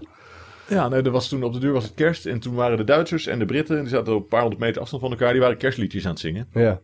En ja, hun, hun liedjes waren eigenlijk hetzelfde. Ze hadden een andere tekst, maar het waren dezelfde stille nacht melodie. Ja, En opeens dachten ze van, verdomme, dat zijn dezelfde. dat, dat zijn gewoon onze liedjes ook. En dat zijn ook gewoon, ze gooiden dan een beetje chocola naar elkaar. De andere zo'n blikje corned beef. En ehm, ja, op de we van, wat, wat doen we eigenlijk? En toen ontstond die, die vredes-kerstgedachte een beetje. En zelfs hun officieren konden hun eigenlijk eh, niet, niet stoppen daarin. En toen is er eh, op sommige plekken wel drie dagen lang gechilled. En eh, een beetje gevoetbald en een beetje... nou, er zijn ook heel veel foto's en filmpjes van. Dat, dat, niet overal aan het front overigens. Er wordt wel eens gedaan alsof dat overal was. Maar eh, Maar hoe kun je elkaar dan weer gaan afschieten dan? nou ja, dat is dus de menselijke aard om toch eh, bevelen op te volgen. Dat op de duur eh, dacht het high command natuurlijk, ja, zo kunnen we die oorlog niet eh winnen. Terwijl eigenlijk al rond die tijd zat het al helemaal vast en wisten mensen al dat niemand die oorlog kon winnen. Dat het gewoon alleen maar een slachting kon worden toen het al vastliep in die loopgraven. Eigenlijk de eerste maanden was er nog de bewegingsoorlog. Daarna was het gewoon... Want hoe gaat het met die loopgraaf? Wat is daar ook weer de strategie achter? Dat, eh, je, je, je, je bent terrein aan het winnen en op een gegeven moment als je niet verder kan, dan maak, graaf je een, die loopgraaf? Of Ja, precies. En dan, dan zet je daar prikkeldraad voor. Dat eh, als, als jij wordt naar jouw loopgraaf gaat, ja, dan, dan eh, naar de loopgraaf van de tegenstander, dan is het natuurlijk een stuk lastiger om daar te komen als je door allemaal prikkeldraad moet waden. Ja, maar is het dan zo van jongens, wij zijn nu even aan het graven, jullie ook, dus laten we even met z'n allen graven en dan... Nou ja, dat is dus eh, dat is een heel moeilijk proces. Want eigenlijk 80% van de doden viel door artillerie. Niet eens door machinegeweren, dus door constante bombardementen. Dus eigenlijk werd er geprobeerd om de hele tijd de vijand te bombarderen. En ondertussen een beetje loopgra- tunnels bouwen onder de loopgraven van de ander. Dus het was echt niet best. En eh, dan maar een keer hopen. in De eerste slag bij de Somme, of de, de eerste dag bij de slag bij de Somme, zijn er gewoon 60.000 Britten in de eerste twee uur eh gewond. en 60.000 vermist. Ja, Britten? dus drie euroborgjes vol. Gewoon. eh, Wat zijn het voor aantallen, joh? Dat, Ja. dat kun je niet, gewoon- dat kun je er gewoon niet bij, zeg maar. Dat is, nee, die geur ook die er zo moet... Ja, precies. Ik heb wel eens een keer een dode muis in mijn huis gehad. Nou, wil je dus na, ervan nagaan. dat Als je, keer, eh, Of in, in. Gallipoli, waar eh, Churchill zijn eh, grootste blunder ooit heeft uh, gepoeld. De Britten dachten van, nou weet je, die Turken, dat waren de eh, allies van de Duitsers. Die moeten we gewoon pakken, dan kicken we die uit de oorlog. Nou, ze zijn niet verder gekomen dan een paar kilometer en een kwart miljoen doden verder. En dan lagen er dus mensen gewoon rijen dik met 40 graden te rotten daar. En eh, ja, die Turken die vochten allemaal voor hun eigen land natuurlijk. Die dachten, ja, wat moeten die, eh, die Britten hier? Ja, opzouten. ja. En die hadden ook heel weinig eten en heel weinig. eh, Het is een soort van, eh, van, van Rusland eh, Hitler versus Hitler. Was het nu? Britten versus Turkey, zeg maar. Ja, ja, die Turken die, en die vochten ook tegen de Russen. En dat ging ook helemaal nergens over. Wat met, die, sommigen werden met blote voeten gewoon naar Rusland gestuurd of naar de Caucasus. De, de Turkse, het Turkse Ja. leger. Ja, precies. En dat heeft het hele Ottomaanse Rijk is toen ingestort. En toen heeft Atatürk daarna eigenlijk het moderne Turkije Opgericht. opgericht. En dat is wel grappig als je nu kijkt bijvoorbeeld met eh, Erdogan. Die, eh, Die draait het terug. Ja, precies, want die, eh, die kan niet tegen Atatürk zijn. Maar Atatürk was heel erg voor een scheiding van kerk en staat. En die heeft bijvoorbeeld ook het westerse alfabet ingevoerd. En die, ja, die was heel vooruitstrevend in die zin. Hij was generaal, toch? Ja, hij, was, eh, hij eh, heeft echt eh, bizar gevaarlijke charges eh, uitgevoerd. En op den duur inspireerde hij zijn mannen zo erg dat ze hem steeds meer promoveerden. Omdat hij gewoon altijd voorwaarts ging. En eh, ja, ik dacht van, eh, nou, dit moeten we gewoon doen. En daarna heeft hij eh, ja, het- land echt flink gemoderniseerd. Omdat het hele rijk stortte helemaal in. Ja. Ja, dat, waar, waar mijn moeder vandaan komt, Roesen heet dat. Dat is in de tijd van het, van het Turkse Rijk, ehm werd dat Klein Wenen genoemd. En als je daar dus ook rondloopt, ik ben toen pas later naar Wenen gegaan. Natuurlijk, ja, ik zat van, natuurlijk bij mijn opa en oma ook opgegroeid toen ik in Bulgarije woonde. En toen gingen we naar Wenen. En toen was het echt dat ik dacht van, hè? Dit is het gewoon. Ze zijn gewoon letterlijk gewoon gebouwen overgenomen daar. Want die, wat de, de eh, eh, nou, ik weet niet of het de sultan was, maar in ieder geval de Haji of whatever. Die, Shah. De Shah. die, Oh nee, niet Shah. Nee, Nee, de- Shah is Persisch. de, ja, ik denk sultan zou het dan moeten zijn, toch? Eh, ja, en voor Pasha, ja. Pasha zou wel, dat, dat ook. Maar die wilde, die wilde eh, Wenen sowieso eh, over- eh, overnemen. Want hij vond het zo prachtig wat de architectuur eh, was. En toen, ja, toen kon hij dat, lukte dat niet. Nou, een aantal keren. En toen heeft hij het nagebouwd. ja, heel bizar. Heel bizar hoe het dan de geschiedenis dat zo doet. En, Ja, precies. Nou, ik ga volgende maand naar Sarajevo. En daar is het natuurlijk allemaal een beetje begonnen. En dat, die hele Balkan is natuurlijk altijd een beetje de clash tussen Oost en Westen geweest. ja. Slavische. Dus ik ben heel, heel benieuwd. Dat daar, eh, daar gaat. Ja, het is ehm, vooral de, de 600 jaar Turks bewind. Dat, ja, dat, dat is in Bulgarije, of op de hele Balkan, is er een soort van hele rare eh, verhouding, zeg maar. Het is aan de ene kant super, Ba- Balkan is super racistisch. Al die volkeren op zich zijn, zijn heel erg, Bul- Bulgaren zijn van Bulgaren eerst. En dat is ook niet raar als je dat zegt. Zijn super anti-Zigeuners, super anti-Turken, overal anti, zeg maar. Bulgaren eerst. Maar ondertussen woont iedereen in een soort van vrede met elkaar. Zo van, oh nee, maar dat zijn goede lui, weet je. Zo van, Ja, precies. bijvoorbeeld het dorp van mijn, eh, van mijn eh, opa en oma, dat is 50-50 Turks-Bulgaars.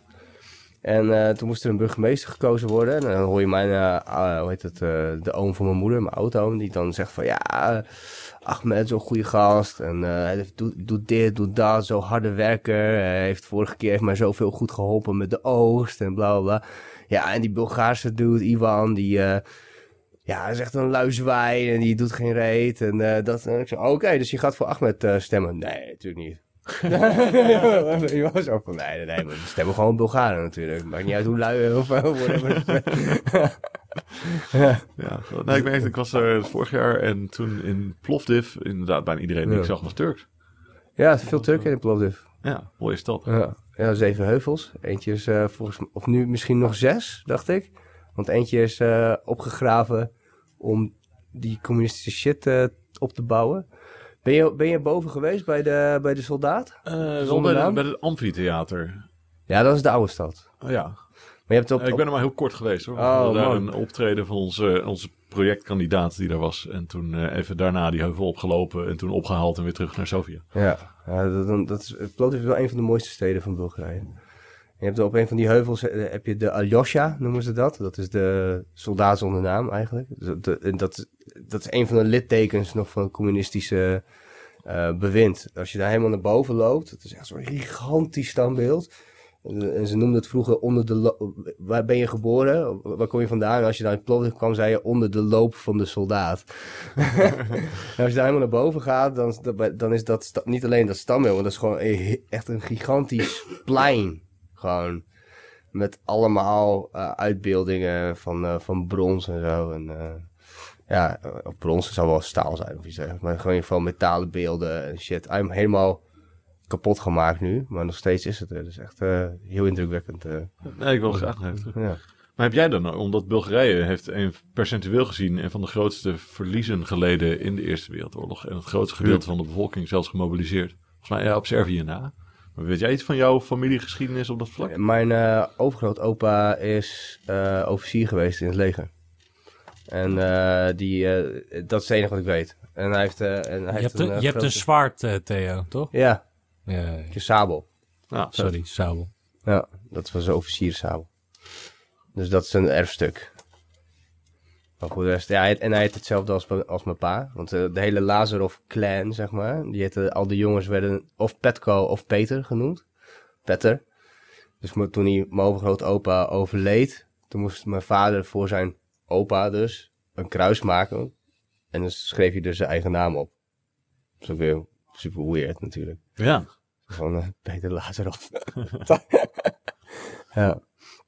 Maar ja, nee, goed. Er is, er is, er is wel... En hij, hij was officier en eh, hij is best wel rijk geweest ook daardoor. En, eh, uit het leger. Ze hebben wel wat huizen en zo. Toen de, toen de tijd nog eh, gekocht en gedaan. Wel een man van aanzien. Voor de rest heldendaden en dat soort dingen, geen idee. Ja. Ik weet wel dat in de Tweede Wereldoorlog wel veel... Bulgarije geweigerd heeft om Joden uit of te deporteren op een gegeven moment. Ja, mijn bedrijf is ook flink platgelegd. Ja, ja. En, en, en Hitler heeft eh, de Bulgaarse koning eh, vergiftigd. Oh. En toen werd het van allies werden ze eh, anti-nazi's. Want Bulgarije vocht natuurlijk wel. Het is nog steeds in Bulgarije, Duitsland nog steeds hele goede banden. Dat, nog voordat de euro werd ingevoerd, was, hadden ze het in Bulgarije niet over dollars, hadden ze over Duitse mark. Dat je, ja, precies. Ja. Dus, eh, ja. Nou, dat is, eh, ja, de Balkan. Mooi, mooi shit. ja, heel veel goede barbecue. Ja, ik ben eh, benieuwd volgende maand. Dan is de eerste Balkan muziekconferentie. En eh ik ga er met jongens van eh Mono Nooit heen. Dus, die gaan daar draaien. En, ik mag wat vertellen over Groningen, hoe we dingen hier doen. Dus Cool. heel veel zin in. Waar is het? In, In Sarajevo. in Sarajevo. Ja. Is dat een beetje een opkomende stad qua cultuur? En, eh, Nou ja, ze zijn natuurlijk eh, in de jaren negentig helemaal eh, plat gebombardeerd door die oorlog. ja. En ik hoor dat het nu wel heel erg tof is. Dat het gewoon een hele levende clubcultuur is en ja, een jonge, jonge vibe. ja. Maar ja, ik- de Bosniërs die ik ken zijn ook wel hele leuke mensen.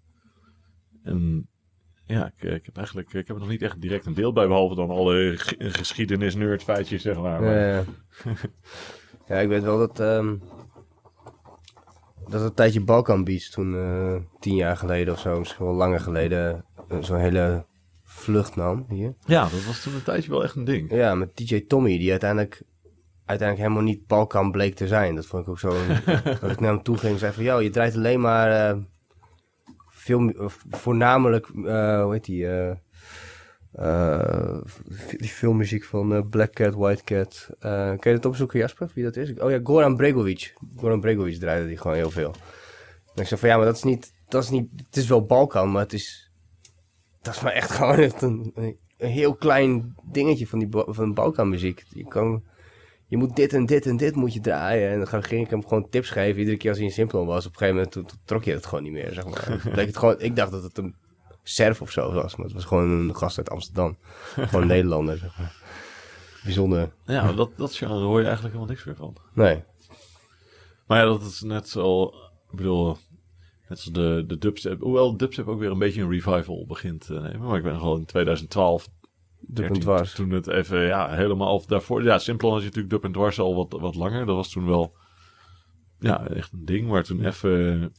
Terwijl 2000 11, 13, nou eigenlijk wat waar we zaterdag een beetje de, de periode van pakken. En het was volgens mij 2014 was het ook alweer een beetje klaar met de dubstep hype. Ja.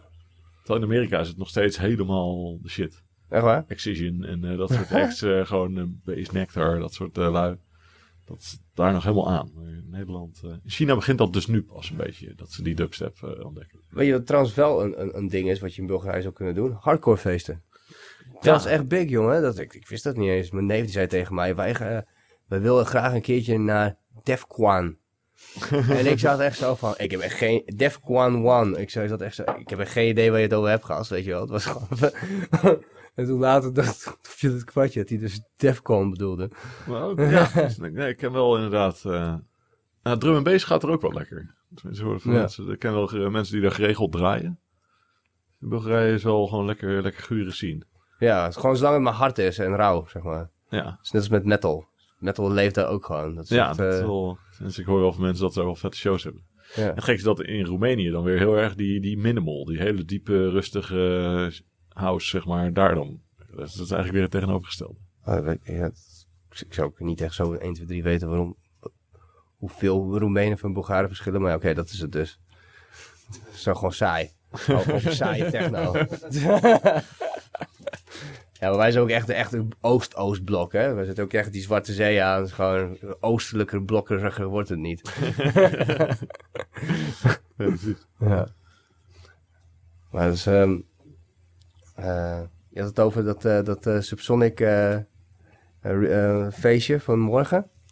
Ehm, heb je nog een paar momenten, Subsonic momenten waarvan je denkt van, oh dat denk ik nog met een brede glimlach aan als ik, eh, of het schiet wel eens door me heen.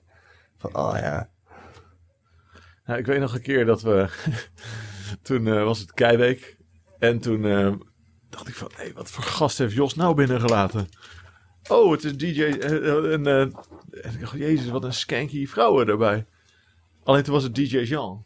En hij was heel, heel aardig, maar hij was gewoon eh, net daar aan het draaien geweest. En ehm, hij was redelijk, eh, ja, ik weet niet wat hij had gehad. Was een hele aardige vent verder, Ja. maar hij had echt gewoon twee van die vrouwen met van die zwaar opgepompte lippen. En eh, ja, hij was daar gewoon vet aan het loungen. Ik heb ooit een keer nog Giel Belen weggeschopt uit onze backstage tijdens Eurosonic. Dat was wel, eh, die was echt super irritant, want het was, nou je weet, die backstage, het was bijna geen backstage, het was gewoon een gangetje Ja, waar ja, ja, stonden, weet je wel. En eh, het was Eurosonic, dus een en al drukte en chaos en dingen. En opeens staat die gast daar. Ik zeg van, dude, optieven, ik moet hier langs. Ja. ja, nee, maar ik ben hier. Ik zeg, nee, weg.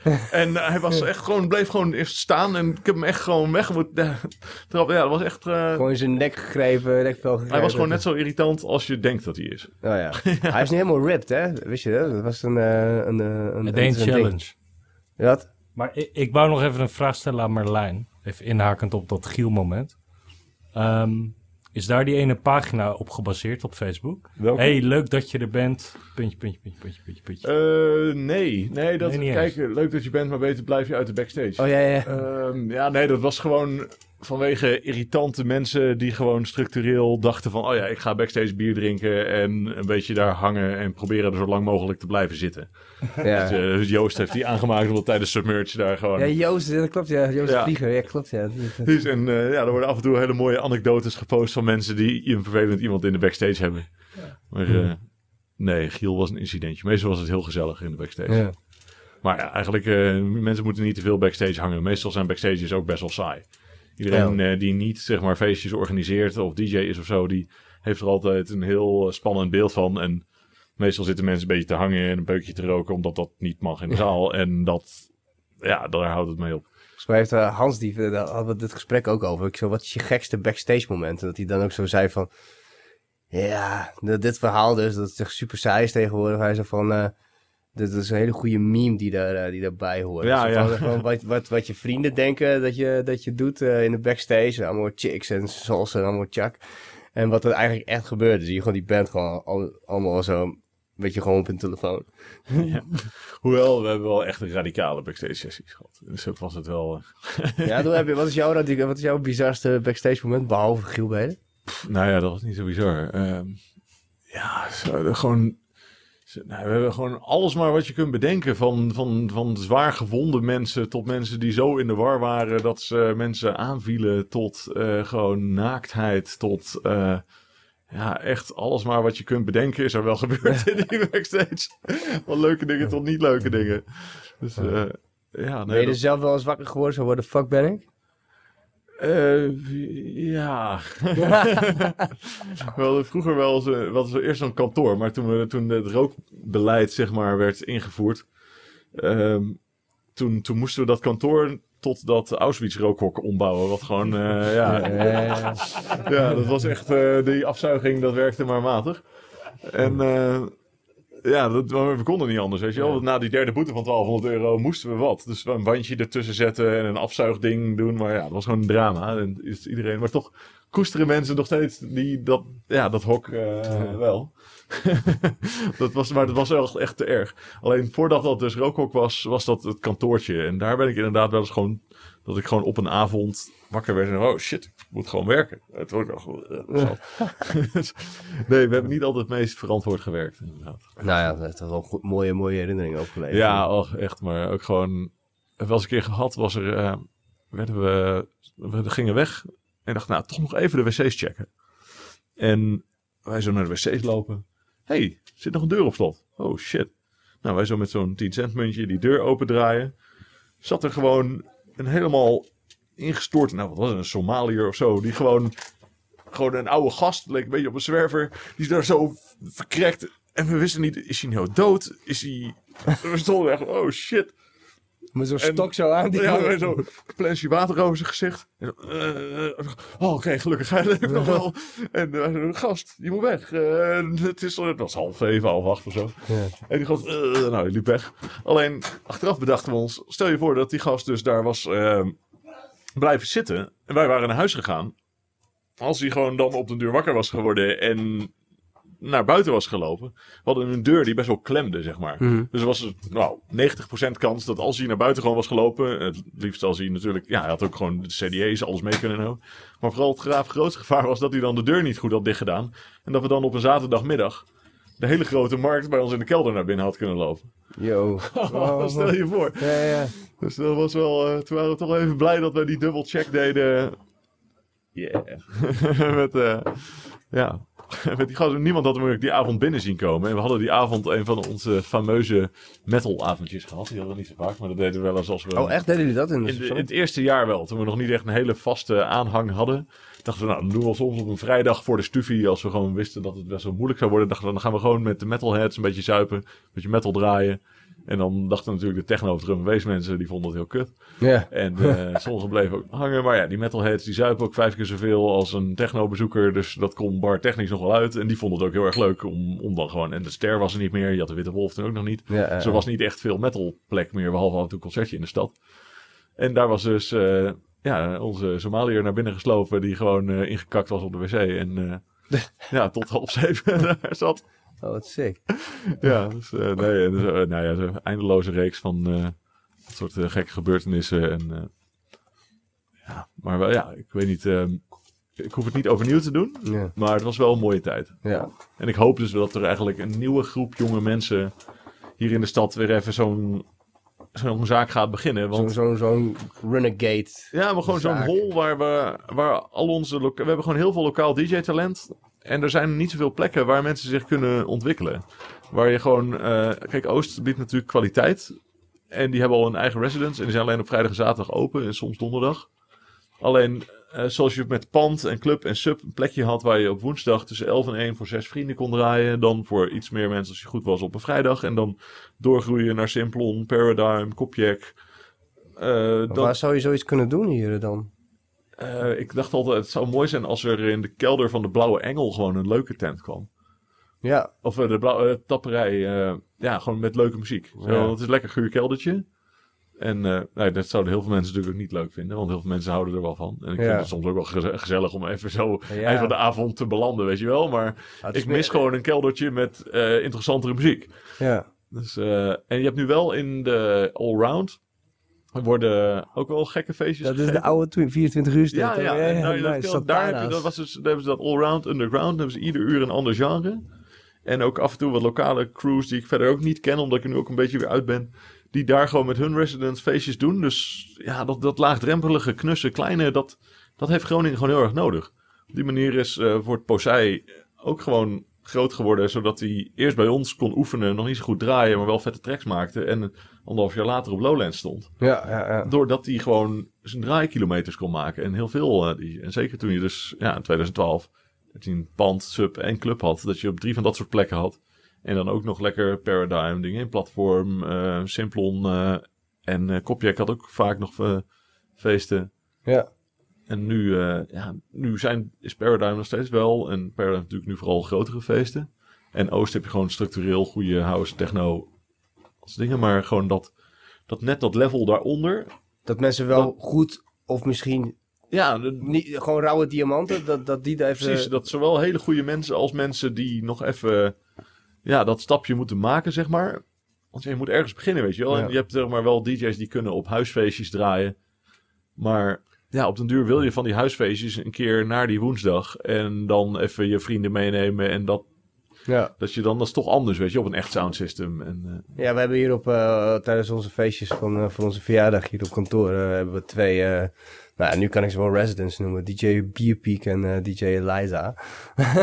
maar dat is altijd dat ik denk van ja, jongens, jullie, jullie kunnen gewoon ergens anders wel eh, vette shit maken. Maar ja goed, dat, is, eh, dat moeten ze zelf regelen.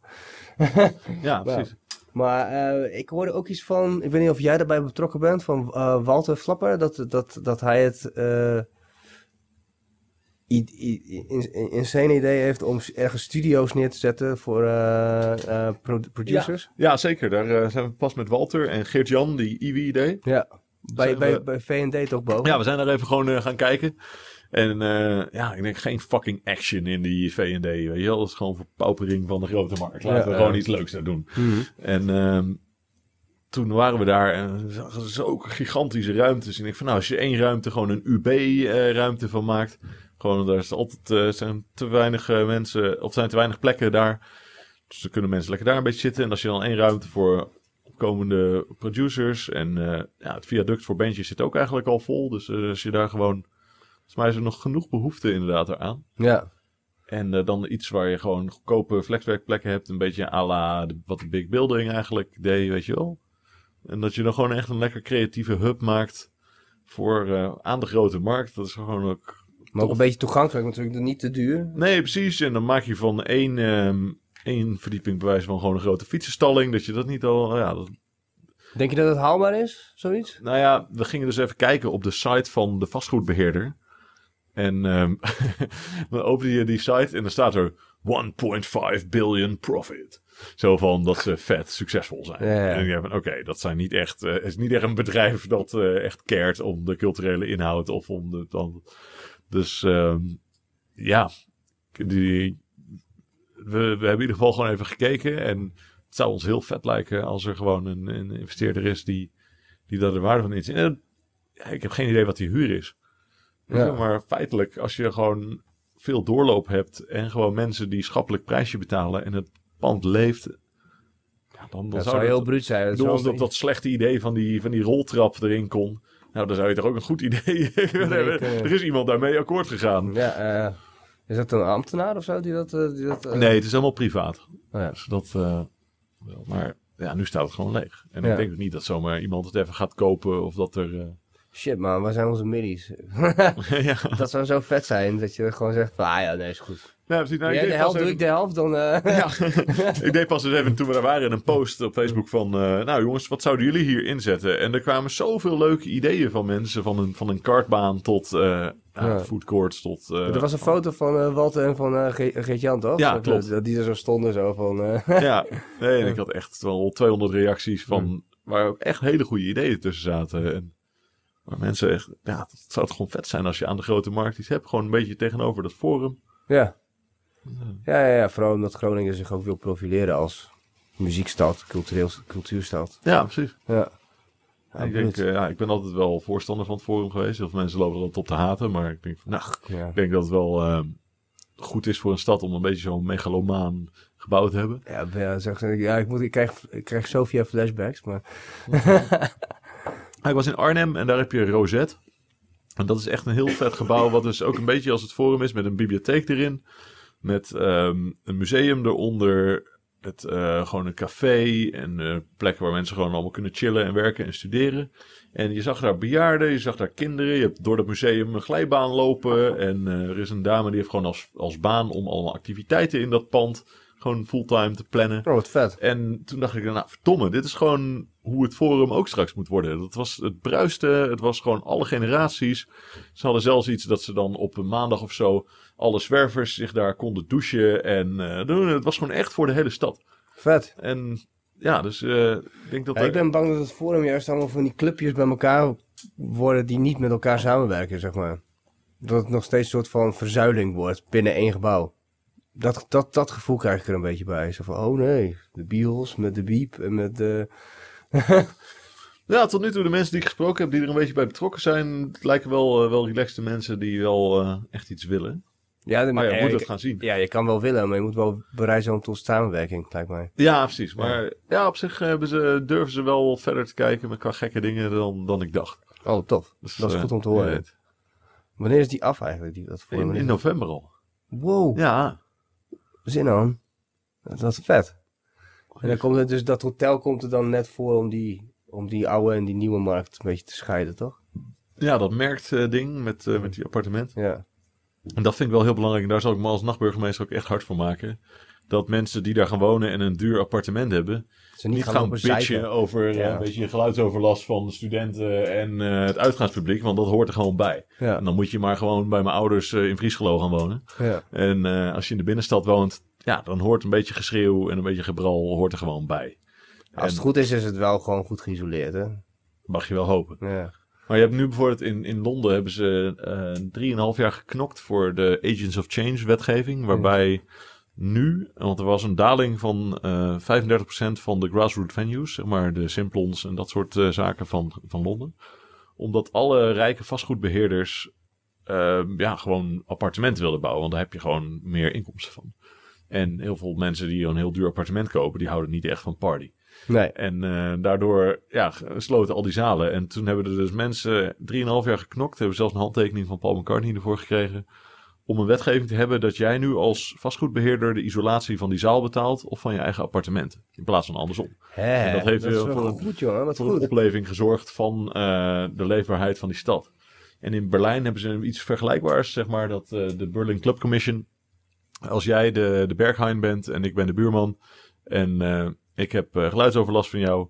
Dat er een pot is tot 90.000 euro. Als ik zelf 10.000 bijdraag. Of jij dan als, als Ja. Berghain. Dat, eh, ja, dat zij dus tot 90% van je isolatiekosten vanuit dat gemeentelijke potje dekken. Zodat ze daarmee de leefbaarheid eh, bevordert. En eh, zij ook onderkennen dat gewoon zo, die clubcultuur gewoon belangrijk is. Zowel voor de economie als voor gewoon het imago. Als voor de general vibe, zeg maar. Dus dat is gewoon, zijn gewoon hele mooie voorbeelden van hoe nachtbeleid serieus wordt genomen. En nu in de, ja, de nieuwe visie van het college is de nacht... eh, nou, ik hoorde dat het eigenlijk maar één keer genoemd is. En dan ook niet eh, echt met betrekking tot het nachtleven, maar ja, dus daar... eh, Dat is jammer, hè? Ja. Dat is alsof, alsof de hele wereld veel te serieus wordt op, op, op een gegeven moment. Of misschien ligt het ook aan onszelf omdat we ouder worden, dat je zo die perceptie krijgt. Maar Ja, maar een beetje, een beetje chaos moet wel blijven inderdaad. Ja, Dat, eh, dat is absoluut waar. Children of the Night. ja, precies. Maar kijk, ik bedoel, dat is het verschil waarom mensen wel in Groningen willen wonen. En niet, eh, ja, er is niks gebeurt in Almere of zo. Ja. Ook al wonen er nog meer mensen daar. Maar Nou, Ja, ik zou je niemand vertellen, wel- dat, eh, dat, dat, ik zat bij een dispuut van Albertus en wij, wij zitten nu aan de Boterdiep. Maar een paar straten hier verderop zit het Rotterdammer straatje. En dat is echt dat, dat zo'n straatje tussen Nieuwe Ebbingen en de Nieuwe Kerk. En dat Nieuwe Kerk is natuurlijk super mooi met dat gras eromheen. En ja, het is echt idyllische huisjes. Maar achter die idyllische huisjes zit zo'n heel groot oud eh, eh, pand. En dat is van Nijenstee. En dat is een soort van doolhof. Maar daar zaten dus al die... Zitten Vindies in. Maar er zitten ook Albertianen in. En als we met mijn dispuut dan ontgroeningen deden en zo. Er wordt natuurlijk heel veel geschreeuwd en zo. Maar er was ook standaard gewoon arme mensen die daar dus aan het Nieuwe Kerkhof wonen. Want die hebben bijvoorbeeld net zo'n fucking idyllisch huis gekocht voor een miljoen of zo. en die hebben dus de hele tijd gewoon om de zoveel weken hebben ze... Alleen maar geschreeuw en, en gedoe. Want ja, de, de Vindies hebben bijvoorbeeld eh, de eerstejaars van, van hun huizen hebben geen sleutel. Dus die, die gaan dan, er komen een ladderzat thuis. En die gaan, die gaan dan gewoon op alle bellen drukken. En ja, of, of ze gaan gewoon daar voor de deur slapen. Of ze trappen de deur in. Of ja, of ze kotsen tegen die muur aan. Weet je wel, dat soort dingen. Dat soort tafereelen. Dus ja, dan heb je dus net je vette, vette huis als, eh, als, eh, rijke tata. En dan, en dan heb je dus gewoon dat in je achtertuin. Dus ik was ook alleen maar, kregen we ook gewoon gezeik. Dus dan heb ja, ik heb het nu, vanuit de positie waar ik nu, nu zit, dat ik denk van, ah, ik ga nu een huis kopen of zo. Dan denk ik van, oké, dit moet ik onthouden. Dat het, als ik rust wil, dan moet ik niet in, eh, in het in, in Hartje Centrum gaan zitten. nee, precies. Theo, als je rust wil, kan je het best in de buurt van een eh, begraafplaats gaan wonen. Ah, het ja. is zo. Nou, weet ik niet hoor. Ik weet niet of ik dan echt rust krijg. Ja, joh. Six Sense vibes. ja, precies. Ja, ja. Maar, ehm, man. ehm, even kijken, hoe laat is het nu? Oh, we hebben nog iets zat, ja. Ik had ehm, zo'n vraag die ik vanaf nu wil, wil gaan stellen aan, eh, aan mijn gasten. Ik, heb een, eh, ik ben bezig met een, eh, met een projectje, een Inst- Instagram-account. Dat heet your, eh, ehm, your Daily Random Facts.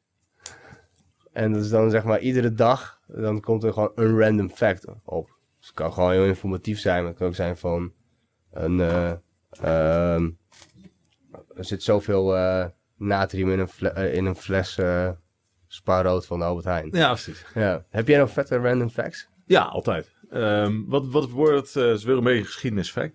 Maar, ehm, en dat heeft ook betrekking op zuipen. Ja. Dus dat eh, ligt me wel. Eh, de oude Perzen, die stonden bekend om het feit dat als ze oorlog gingen voeren, dan gingen ze die beslissing altijd eerst nuchter nemen. En daarna gingen ze er nog super lam ook een keer over praten. Ja. En als het dan in beide gevallen nog steeds een goed idee leek, dan gingen ze die oorlog voeren. en ik weet dus niet welke volgorde, maar, maar gewoon in beide toestanden moest een goed idee zijn. ja. En dan, eh, dan gingen ze. Wauw. Ik dacht, nou, dat is een random fact. Dat is een goede random fact. Keep them coming. Wel- Welk jaar is Subsonic opgericht? 10 maart 2011. Oh ja, cool.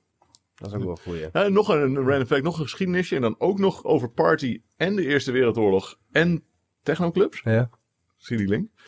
Ehm, dan- ik moest vast nou het, eh, voorwoord voor een jaarboek voor studenten schrijven. En dat eh, in deze tijden van al het eh, xenofobe anti-immigratie gebeuren, dacht ik van we gaan even het omdraaien en even een, een mooi voorbeeld van immigratie vertellen.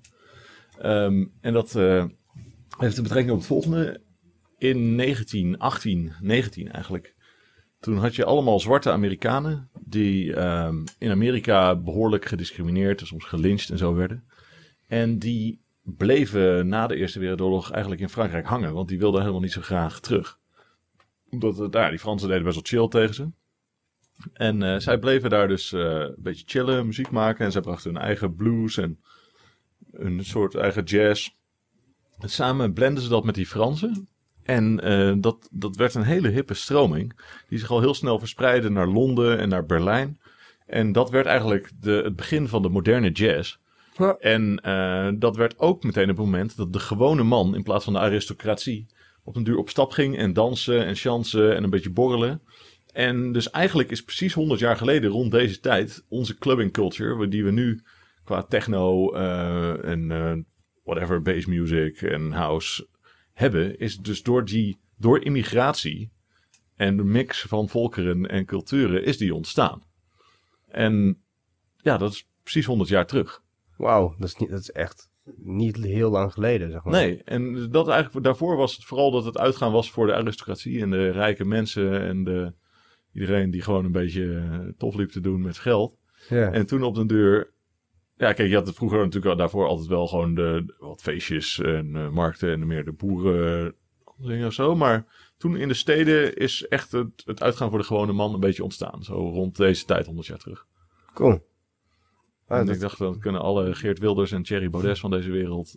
Dacht ik van, ik wil even een, een positief van, de immigratie laten zien waar het ook toe kan leiden. Ja. Ja, Nou ja, sowieso uit, uit het, de, eierbal is ook zoiets. klopt. Ook, door de, ook weer tijdens de Eerste Wereldoorlog hier in Groningen gebracht. Uit Indonesië is dat toch? Ja, via de Britten, via de Australiërs. Oh, jij weet meer dan ik, volgens mij. Oeh. Dus, eh, wat, wat, wat is het verhaal volgens jou? nee, ik, heb het, ik weet het ook maar een gedeelte hoor. Maar ik weet inderdaad dat het eh, uiteindelijk uit de buurt van Australië, dus het zou heel goed ook Indonesië kunnen zijn. Ja. Omdat Nederlanders natuurlijk zaten. Maar toen via de Britten is die weer is die hier beland. En ik weet niet of dat dan ook weer met dat Britse kamp te maken had dat hij hier zat, met die krijgsgevangenen. Oh, dat, dat zou best dat zou heel Maar goed de, kunnen, de, de- ja, er was een link. Weet niet, had Sikkom daar niet pas een, eh, een artikel over? Oh, dat zou best kunnen. Ik heb, dat- ik heb dat, die heb ik gemist. Ja, tenminste, ik heb ergens een klok horen klepelen. eh, of, hoe zeg je het ook alweer? Klepel horen, hangen. ja, mooi. Ja, want ik weet wel dat, dat Sloots, eh, automaten eh, van Sloots eh, uit 1951, die hebben dat, eh, dat was de eerste keer dat het zwart op wit staat in een krant. Dat Oh, daar eierballen waren. En Wist je ook dat we in 1916 in Nederland eh, een cocaïnefabriek hadden? Dat wist ik. Ja, In Amsterdam. ja. Ja, En die verkocht ook aan allebei de... van farmaceuten en dan... eh, Ja, en aan soldaten. ja. Dus dat was goed pure shit. Ja, maar ook een heroïne volgens mij. Ook, ook dacht ik. Dat was, ik ben naar een lezing geweest van Studium Generale eh, eh, afgelopen eh, dinsdag. En, of maandag, weet ik niet meer. Maar die, eh, daar ging het, dat, dat, dat was volgens mij drugs, de roes, de risico's en het, en het feest of zo heet het. En er kwam een eh, Ton Nabbe, heet die volgens mij. Oh ja, ik zag het Ja, eventje. inderdaad. ja dat, is, dat is echt zo'n de ultimate talking head op dat gebied. qua wetenschappen en drugs. Die, die ging vertellen over hoe dat een beetje ontstaan was. En eh, dat, ja, bijvoorbeeld, hij zei van wie heeft hier nooit drugs gebruikt, zei hij. En dan zag je al een paar lui zo heel trots al bijna halverwege met een hand zo omhoog. Zei hij van, en daar bedoel ik ook koffie bij. en dan iedereen zo, oh, oké, kut. en toen begon hij vanuit koffie en, eh, en tabak, ging hij dat opbouwen naar, van, nou oké, dat... Eerst wordt het heel erg eh, nieuw, is het nieuw en dan wordt het misbruikt. Maar ja, op een gegeven moment wordt het ook genormaliseerd en er komen accijns op en dan, of, whatever, er komt een verdienmodel en dan, dan, dan wordt het iets wat in het dagelijks leven hoort, zeg maar, net als alcohol en tabak. En dat was, ehm ehm, het viel mij op in zijn verhaal dat, die, dat, dat dingen maar gewoon lukraak op die opiumlijsten werden gegooid. Ja. Nou ja, maar het is ook voor een interessant feitje dat die hele drooglegging in Amerika, dat was helemaal niet omdat mensen ehm, te veel zopen. En dat ze dachten, oh wat vervelend. Nee, iedereen reed toen met zijn auto op ethanol. En met, ja, dat, iedereen kon zo makkelijk brandstof maken, dat de olieindustrie op de deur dacht van, hé, hey, dit is niet chill, wij willen gewoon de mensen op olie rijden. Ja. Dat ze dat gaan doen. Dus dat is eigenlijk de achterliggende reden. Echt van, eh, ja. Van, eh, gewoon, en zo wordt het natuurlijk nooit in een geschiedenisboekje verteld. Maar ehm, dus gewoon die olielobby, die heeft ervoor gezorgd. En daarna reed iedereen. Terwijl je hebt nog steeds wel bepaalde landen, in, eh, ook in Brazilië, wordt, dat, eh, wordt er ook nog op ethanol gereden. Dus het is gewoon alcohol eigenlijk. Ja, en dat is ook, en op een of andere manier wordt er al gedaan alsof het niet kan. Ja. En er is hier helemaal geen optie. Maar dat was de werkelijke reden van de drooglegging in Amerika. Gewoon omdat, en daarna reed iedereen wel eh, op eh, benzine. Of, eh, Oh, dingen. dus eh, ja, dankjewel Shell. Ja. Shout- Shout-out naar Shell. Shell Shock. ja, wat, wat, wat even terug op die drugs. Of dat, dat alles maar een beetje lukraak op, op, van die, op die opiumlijst werd gegooid. Dus dat ik, ik, ik, hij liet zo'n tabel zien en toen zag ik dat opium, opiumlijst 2, daar mag je gewoon, bijvoorbeeld, daar staat wiet ook op, dacht ik. Mag je gewoon bij je hebben, word je niet vervolgd. Maar is, is grijs gebied. Opiumlijst 1, dan word je vervolgd. En eh er staan, Paddo staat dus op 2, maar LSD en 2CB, wat ook gewoon, gewoon tripmiddelen zijn, niet verslavend. En compleet iets wat je na één ervaring echt niet vaker wil doen, zeg maar.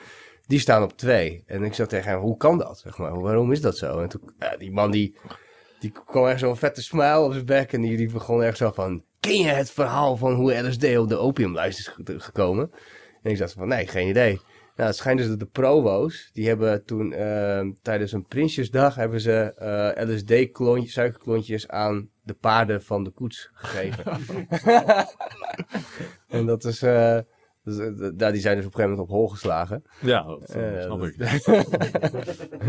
en toen dacht de regering van, ah, godverdomme, wat een, eh, wat een, eh, we, zullen, we zullen die, eh, de, de jeugd wel even leren. En toen hebben ze die LSD op, eh, op, de, op de opiumlijst gezet.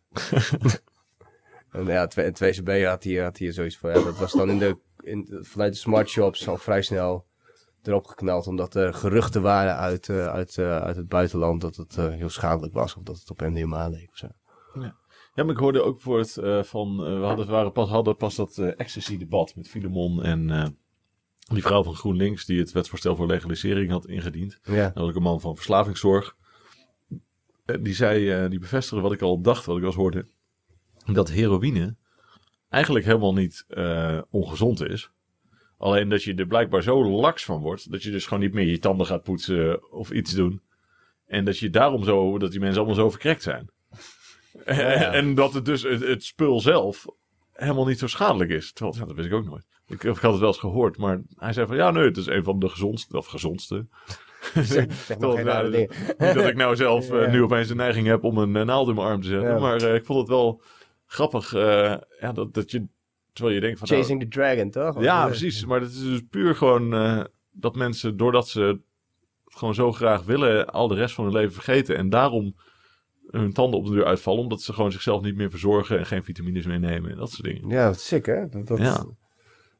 Nou ja, goed, ja, dat is dat ook dus ongezond op een hele andere manier dan je denkt. Dan bijvoorbeeld zo'n crystal meth dude of zo. die dan Ja, gewoon- precies. Of GHB. die, Ja. Dat is ook, dat is een soort van nieuwe heroïne eigenlijk. In de, tenminste, je kan het een Ja. beetje trekken van. Niemand, niemand wist wat het was. Iedereen dacht van, oh, super onschadelijk. Ik weet nog een periode waarop mensen tegen me zeiden van, oh nee, ik doe geen drugs meer. Ik neem wel eens een geetje. Want dat is, eh, dan knap ik zo bijna uit mijn huidje, zeg maar, als het, eh, als het, in, als het inklapt. Dat ik dacht van, no, no fucking way, man. Als ik zo wasted wil voelen, dan drink ik wel een halve fles vodka achter elkaar. En dat doe ik ook niet. Zeg maar, dat, dat is... eh die- Nee, ik heb best wel met dingen geëxperimenteerd, maar dat is wel echt iets dat ik denk van nee, dat, eh, dat hoeft echt niet. Ik heb het een keer voor de UK gedaan, eh, voor een artikel. Ah, Oké, Ja. dus je hebt wel...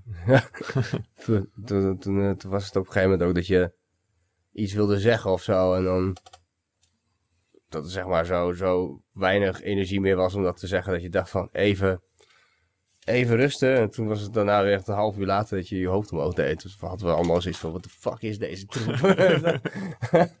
Pas wel ergens na te lezen. op Is het, eh, is het daarom ook een eh, rape drug? Ja, ja sowieso. Rape Toch? drug, ja. Ja, maar niet een... eh, Ja, je, wordt, ja, je gaat oud. ja, als het te veel is. Maar goed, dat weet iedereen volgens mij ondertussen wel. Nou, iedereen kent wel die foto's van eh, lui die oud zijn gegaan met allemaal... Dat ze allemaal beschilderd zijn, terwijl ze oud waren. ja. Oh. Nou, zullen we dit gesprek eens even afsluiten met een, eh, met een kleine dosis metal? Ja, dat is altijd goed. Ja. Wat voor, wat voor dosis dacht je aan? Nou ja, ik wil niet te zeggen dat ik heel dankbaar ben voor het eye-openen van de... Wat was, het? eh, porno grind, cybergrind? Porn grind, cybergrind. Ja. Ja. Het, ehm, Ja, dat is denk ik wel het meest... Je hebt veel obscure genres op aarde. Waar eh, cybergrind, zeg maar, dat wordt ook door de meeste extreme metal liefhebbers verguisd. Dus je maakt het als muzikant denk ik niet om beroemd te worden. Je krijgt er geen shows mee. Je verdient er zeker geen geld mee. Mensen vinden het niet cool. En eh, ja, daarom... behalve eh, wij dan. ja, precies. Ik vind het heerlijk. Maar eh, het is gewoon het meest obscene en politiek incorrecte... ja, gewoon... het gaat wel redelijk ver qua teksten, artwork en... Nee, ik, ik, ik, ik, ik, heb het toen de dag nadat we eh, vorige keer, het- eh, ik, ik mocht het niet zeggen, maar dat, we- dat we vorige keer over hadden gehad en jij mij dat eh, had laten zien. Toen heb ik het bij Cordify gedraaid. en ik kan je vertellen dat iedereen heel geboeid zat te luisteren. Oké, oké. Dat, Oké, het moet, niet, moet even wat zachter of zo, maar als je het even appt, dan wil ik er best wel even naar luisteren. Dat wil me- meerdere lui. Dat, dat, nou, dat- op een gegeven moment, je, je, je pakt wel de patroontjes op en zo. Het is gewoon fucking bruut. En, en, ja, en de albums zijn maar 13 minuten, dus... Ja, dat is echt een goede aanwinst. Libido Airbag gewoon. ja, Libido Airbag is shit. Ja. Gewoon eh, iedereen die het, eh, dit nu hoort. Ga naar YouTube. Download eh, Lib- of eh, stream Libido Airbag. Met, eh, ja... Nou ja, gewoon, het zijn allemaal klassieketjes. Anomalia, wat was het nou? Ja, het album eh, Knee Deep in Her Pussy. Is, eh ja, topalbum. Fisted on LSD, als we toch... eh, ja, gewoon ja, dat is toch wel... allemaal klassieketjes. En de andere was eh The Berserker. Ja, de Berserker is ook wel redelijk... eh, ja, dat is een Australiër die eerst speedcore terror DJ was... en daarna dacht, ah, weet je, ik ga gewoon een death metal band beginnen... maar dan blend ik dat. En Ja, Ja. Dat, dat is wel mooi dat ze de, dat een beetje de corn vibe erin hebben. Met eh, al die maskers op en zo. Allemaal super... een eh, Slipknot-achtige ja, vibe. Ja, precies. Ja, maar dan gewoon ja. inderdaad... En ze hebben ook het eh, wereldrecord double bass in het Guinness Book of Records. Oh, dat is best wel... zit, eh, eh, de Carcass cover Corporal Jigsaw Quandary.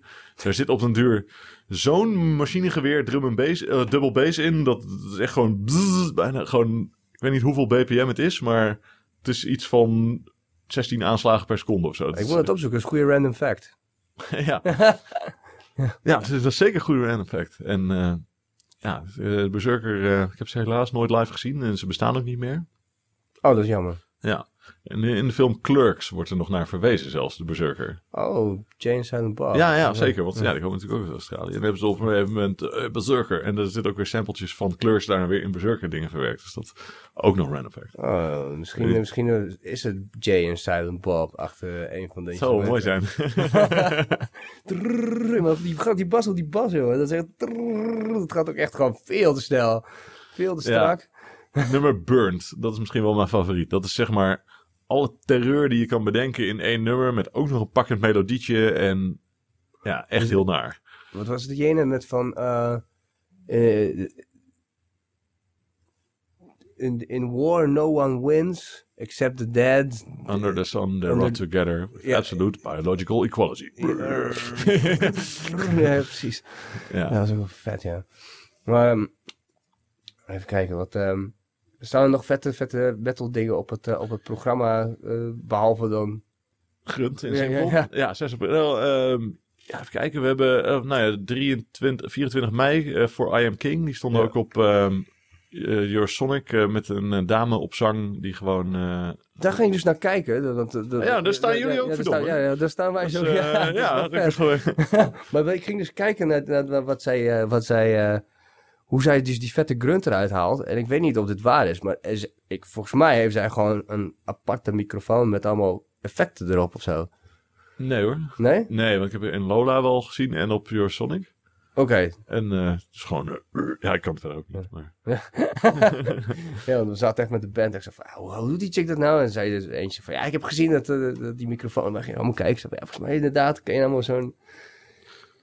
Nou ja, nee. Dat zou wel weer gewoon jaloezie zijn geweest. en wat daarnaast? Nou, is, is daar, nou, behalve 24 Eh, negen, eh, komende zaterdag eh God Dethroned doen hun eh zoveeljarig bestaan. Die nemen een dvd op in Vera. Oh, wat vet. Ja, dus dat wordt echt heel cool. Is dat met de K-Brothers? God Dethroned? Ehm, nee, Henry Settler. Dat is een band uit Drenthe. Maar Groningen was al wel een beetje hun eh, thuisbasis. Ja. En eh, ja, ze doen The Bloody Blasphemy. Dat is een oude, oude plaat. Daar doen ze veel van. En ze nemen dan... Met die dvd gaan ze smiddags zeg maar de set doen. En dan s'avonds met publiek. En die beide beelden worden dan tot de dvd gemaakt. Dus dan kunnen ze smiddags met iets meer licht spelen. En dan, ja, wel, eh, wel cool. Alleen ja, ik moet dus helaas, helaas, de voorbereiding voor onze Subsonic Party doen. Dus ik kan er niet bij zijn. Terwijl Ja, dat je de bent bezig band- met je set toch dan? Ja, precies. en, eh, Misschien de- kun je wel een God Dethroned nummertje in je set gooien. ja, ik denk dat het eh dance publiek er wel blij van wordt. Misschien moet ik wel, ik heb wel eens een keer een berserker nummertje inderdaad. eh, ja, misschien moet ik wel een lipidootje erin verwerken. Ja. Dat is wel goed. Ja. Inderdaad, gewoon lekker vloeibaar.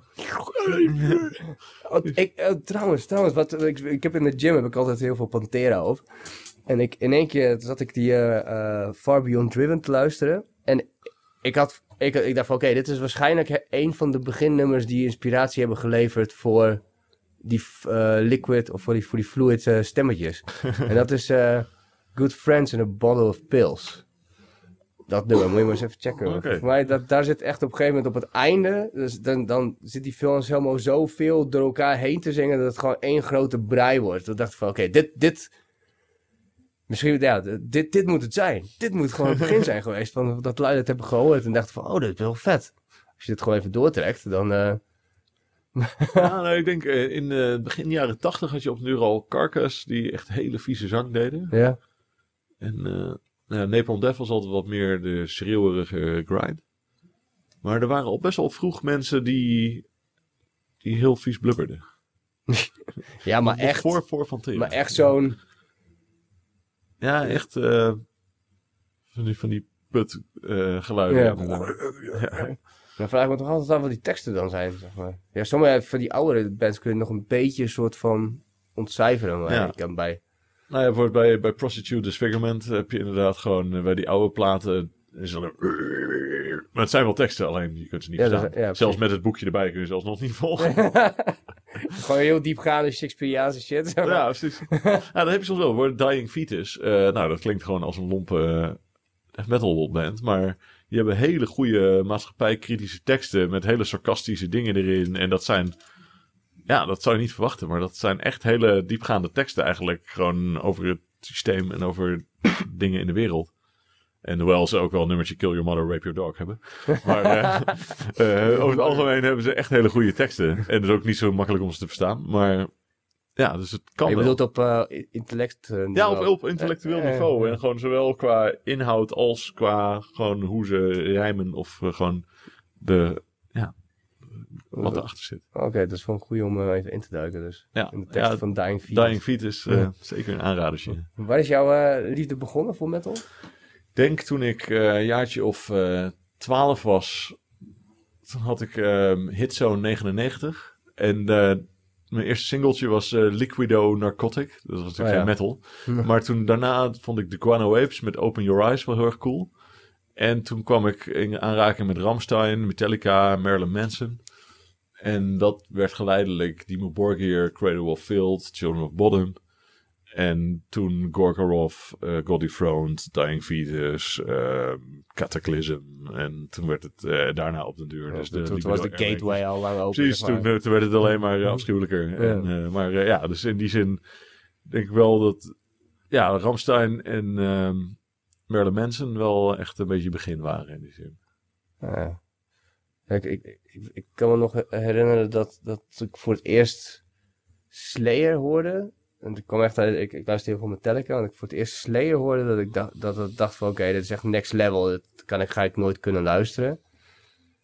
En dat ik nu wel eens Slayer opzet, en dan is het bijna een soort van heel mooi afgebakend geheel met zuivere riffjes. En, Ja, precies. Ja. Dat had ik met Napalm Death. Want dat was dus voordat ik nog eh, Ramstein en zo... eh, toen had ik dat al een keer gehoord. Er was een maat van mij, zijn broer, die had dan bootlegged in Japan meegenomen toen hij ook in Japan aan het voor zijn werk of zo was. Ja. En dat vonden we zo hard. En we dachten, jezus, wat is alleen maar lawaai.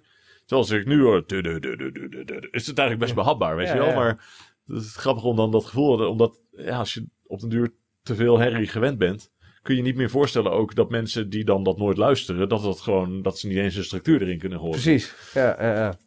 ja dat, je, je, je, leert die taal spreken, zeg maar, van, die, van het ritme en van het geluid. Dat is echt wel bruut. Wat zou je nog, welke band zou je nog eens een keer, heb je nog niet gezien, maar zou je nog wel willen zien, zeg maar? Heb je een lijstje? Ehm nou, Cradle of Filth, op een of andere manier heb ik die nooit gezien. En die wil ik wel echt graag een keer zien. Ik hoor dat ze live soms heel goed zijn en soms heel slecht. ja. Maar dat, eh, en Marilyn Manson ook, hetzelfde geval. Die, die wil ik, hoor ik ook dat het soms heel goed is, soms echt heel kut. Maar ja, omdat dat toch echt een beetje mijn roots zijn, wil ik die, eh, lijkt me dat wel heel erg cool. En ik weet nog wel, eh, Korn ben ik vroeger ook wel een beetje mee begonnen. En toen ik ze een paar jaar geleden in de Oosterpoort zag, ja, dat was toch heel erg vet. Ja. Weet je wel? En Blind was al mijn nummertje toen ik eh, ja, net wel 13 was of zo. en toen hadden ze al twee toegiften gedaan en ik dacht zo van, ah, jammer dat ze Blind niet hebben gedaan. En opeens zo, dat hij op die ride, ja! dus dat was wel heel erg mooi. Ja, cool hè. Ja, dat is echt... Ik heb dat optreden gemist. Ik heb ze een keer gezien met eh, Metallica en Slipknot. Ze hadden ze een toertje. Dat was, eh, ik dacht van, ik ging voor Metallica toen en eh nou, Korn vond ik ook wel vet. Maar Slipknot had ik al zoiets van, ja, dat vind ik echt eigenlijk helemaal niks. En dat ik wel heel veel lopen luisteren toen. dacht ik van, oké, het is toch wel tof. Stond ik daar, veel te stoned vooraan. en die gast, die, daar zij waren als eerste volgens mij. Het was zo eng, jongen. Ik heb, ik heb echt, nou ja, ik vond het echt heel eng. Die lui in die masker en zo, dat, ik, ik had niet verwacht dat het zo'n impact zou hebben. Zo van, ja, ik was niet eens heel jong of zo. Ik was 19 of zo, weet je. Dus, eh, dus stond ik daar en die kerel echt zo heel dichtbij. Give you five, five, five, give me six, six, six. en dat tongetje zo tussen de masker zo. Eh, dat was echt zo, wow. Ik zat echt helemaal zo van, ja, dit is echt, dit is echt Satan, weet je. Deze dude. ja. Ik Stippelt vond ik toen wel leuk. Maar ik vind het vooral interessant hoe zij eigenlijk eh blast beats voor de masses hebben, zeg maar. Dat gewoon opeens ze miljoenen cd's konden verkopen met toch iets, ja, wat voor de gewone top 40 luisteraar best wel obscuur was. Ja. En dat, dat ze daar echt een grens hebben gebroken. En dat vind ik soms de metal scene vergrijst nu wel een beetje. En dat is ook, ja, er is, er, is even nieuwe innovatie. Nou, als ik zelf ooit weer een band begin, dan hoop ik eh, een- dat we een combi kunnen maken tussen extreme industrial hardcore en black and death metal. Ja. Want dat, dat is er nog steeds niet. Tenminste, als ik eh, niet, niet daarom. Alleen, dat is iets wat ik al jaren zoek. En heel vaak heb je zeg maar de metal met industriële invloeden. Dan is het vaak wel een beetje laffe elektronica. En de elektronische acts die metal invloeden hebben, hebben dan een of andere gesampelde gitaarriff. Maar het is beide nog niet helemaal Mm. of zo. En dat lijkt me heel erg cool om... eh, ja, ik heb nu al acht jaar niet gedrumd. Maar daarvoor had ik al drie bands. Was ik altijd aan het drummen vanaf mijn achtste. Dus als ik weer muziek ga maken, dan gaat het een afschuwelijke band worden. en ook al vinden maar tien mensen wereldwijd het leuk. En als ik het zelf wel leuk vind, dan... eh, Merlin the Wizard noem je het dan. Gewoon dat het nog een beetje toegankelijk is, zeg maar. Cheesy en dan gewoon heel erg nare muziek. ja, het wordt hele nare muziek, maar dan wel... Er mag ook best een goede melodie in zitten. En dan moet het alsnog niet corny zijn. Ja. Dus dat wordt een, wordt een interessante balans worden. Nou, ik ben echt heel benieuwd. Laten we dit, dit afsluiten. Dat vind ik wel een goede goeie. Vet zieke cliffhanger. Ja, Ja, zo'n cliffhanger. op, de, op de Chinese muur. precies. Ja, ja. Dan eh, daar een keer daarmee spelen. Cool. Thanks man. Ja, nee, het was gezellig. Ja, voor, weer, voor de tweede keer super vet. Yeah. Ja, nice.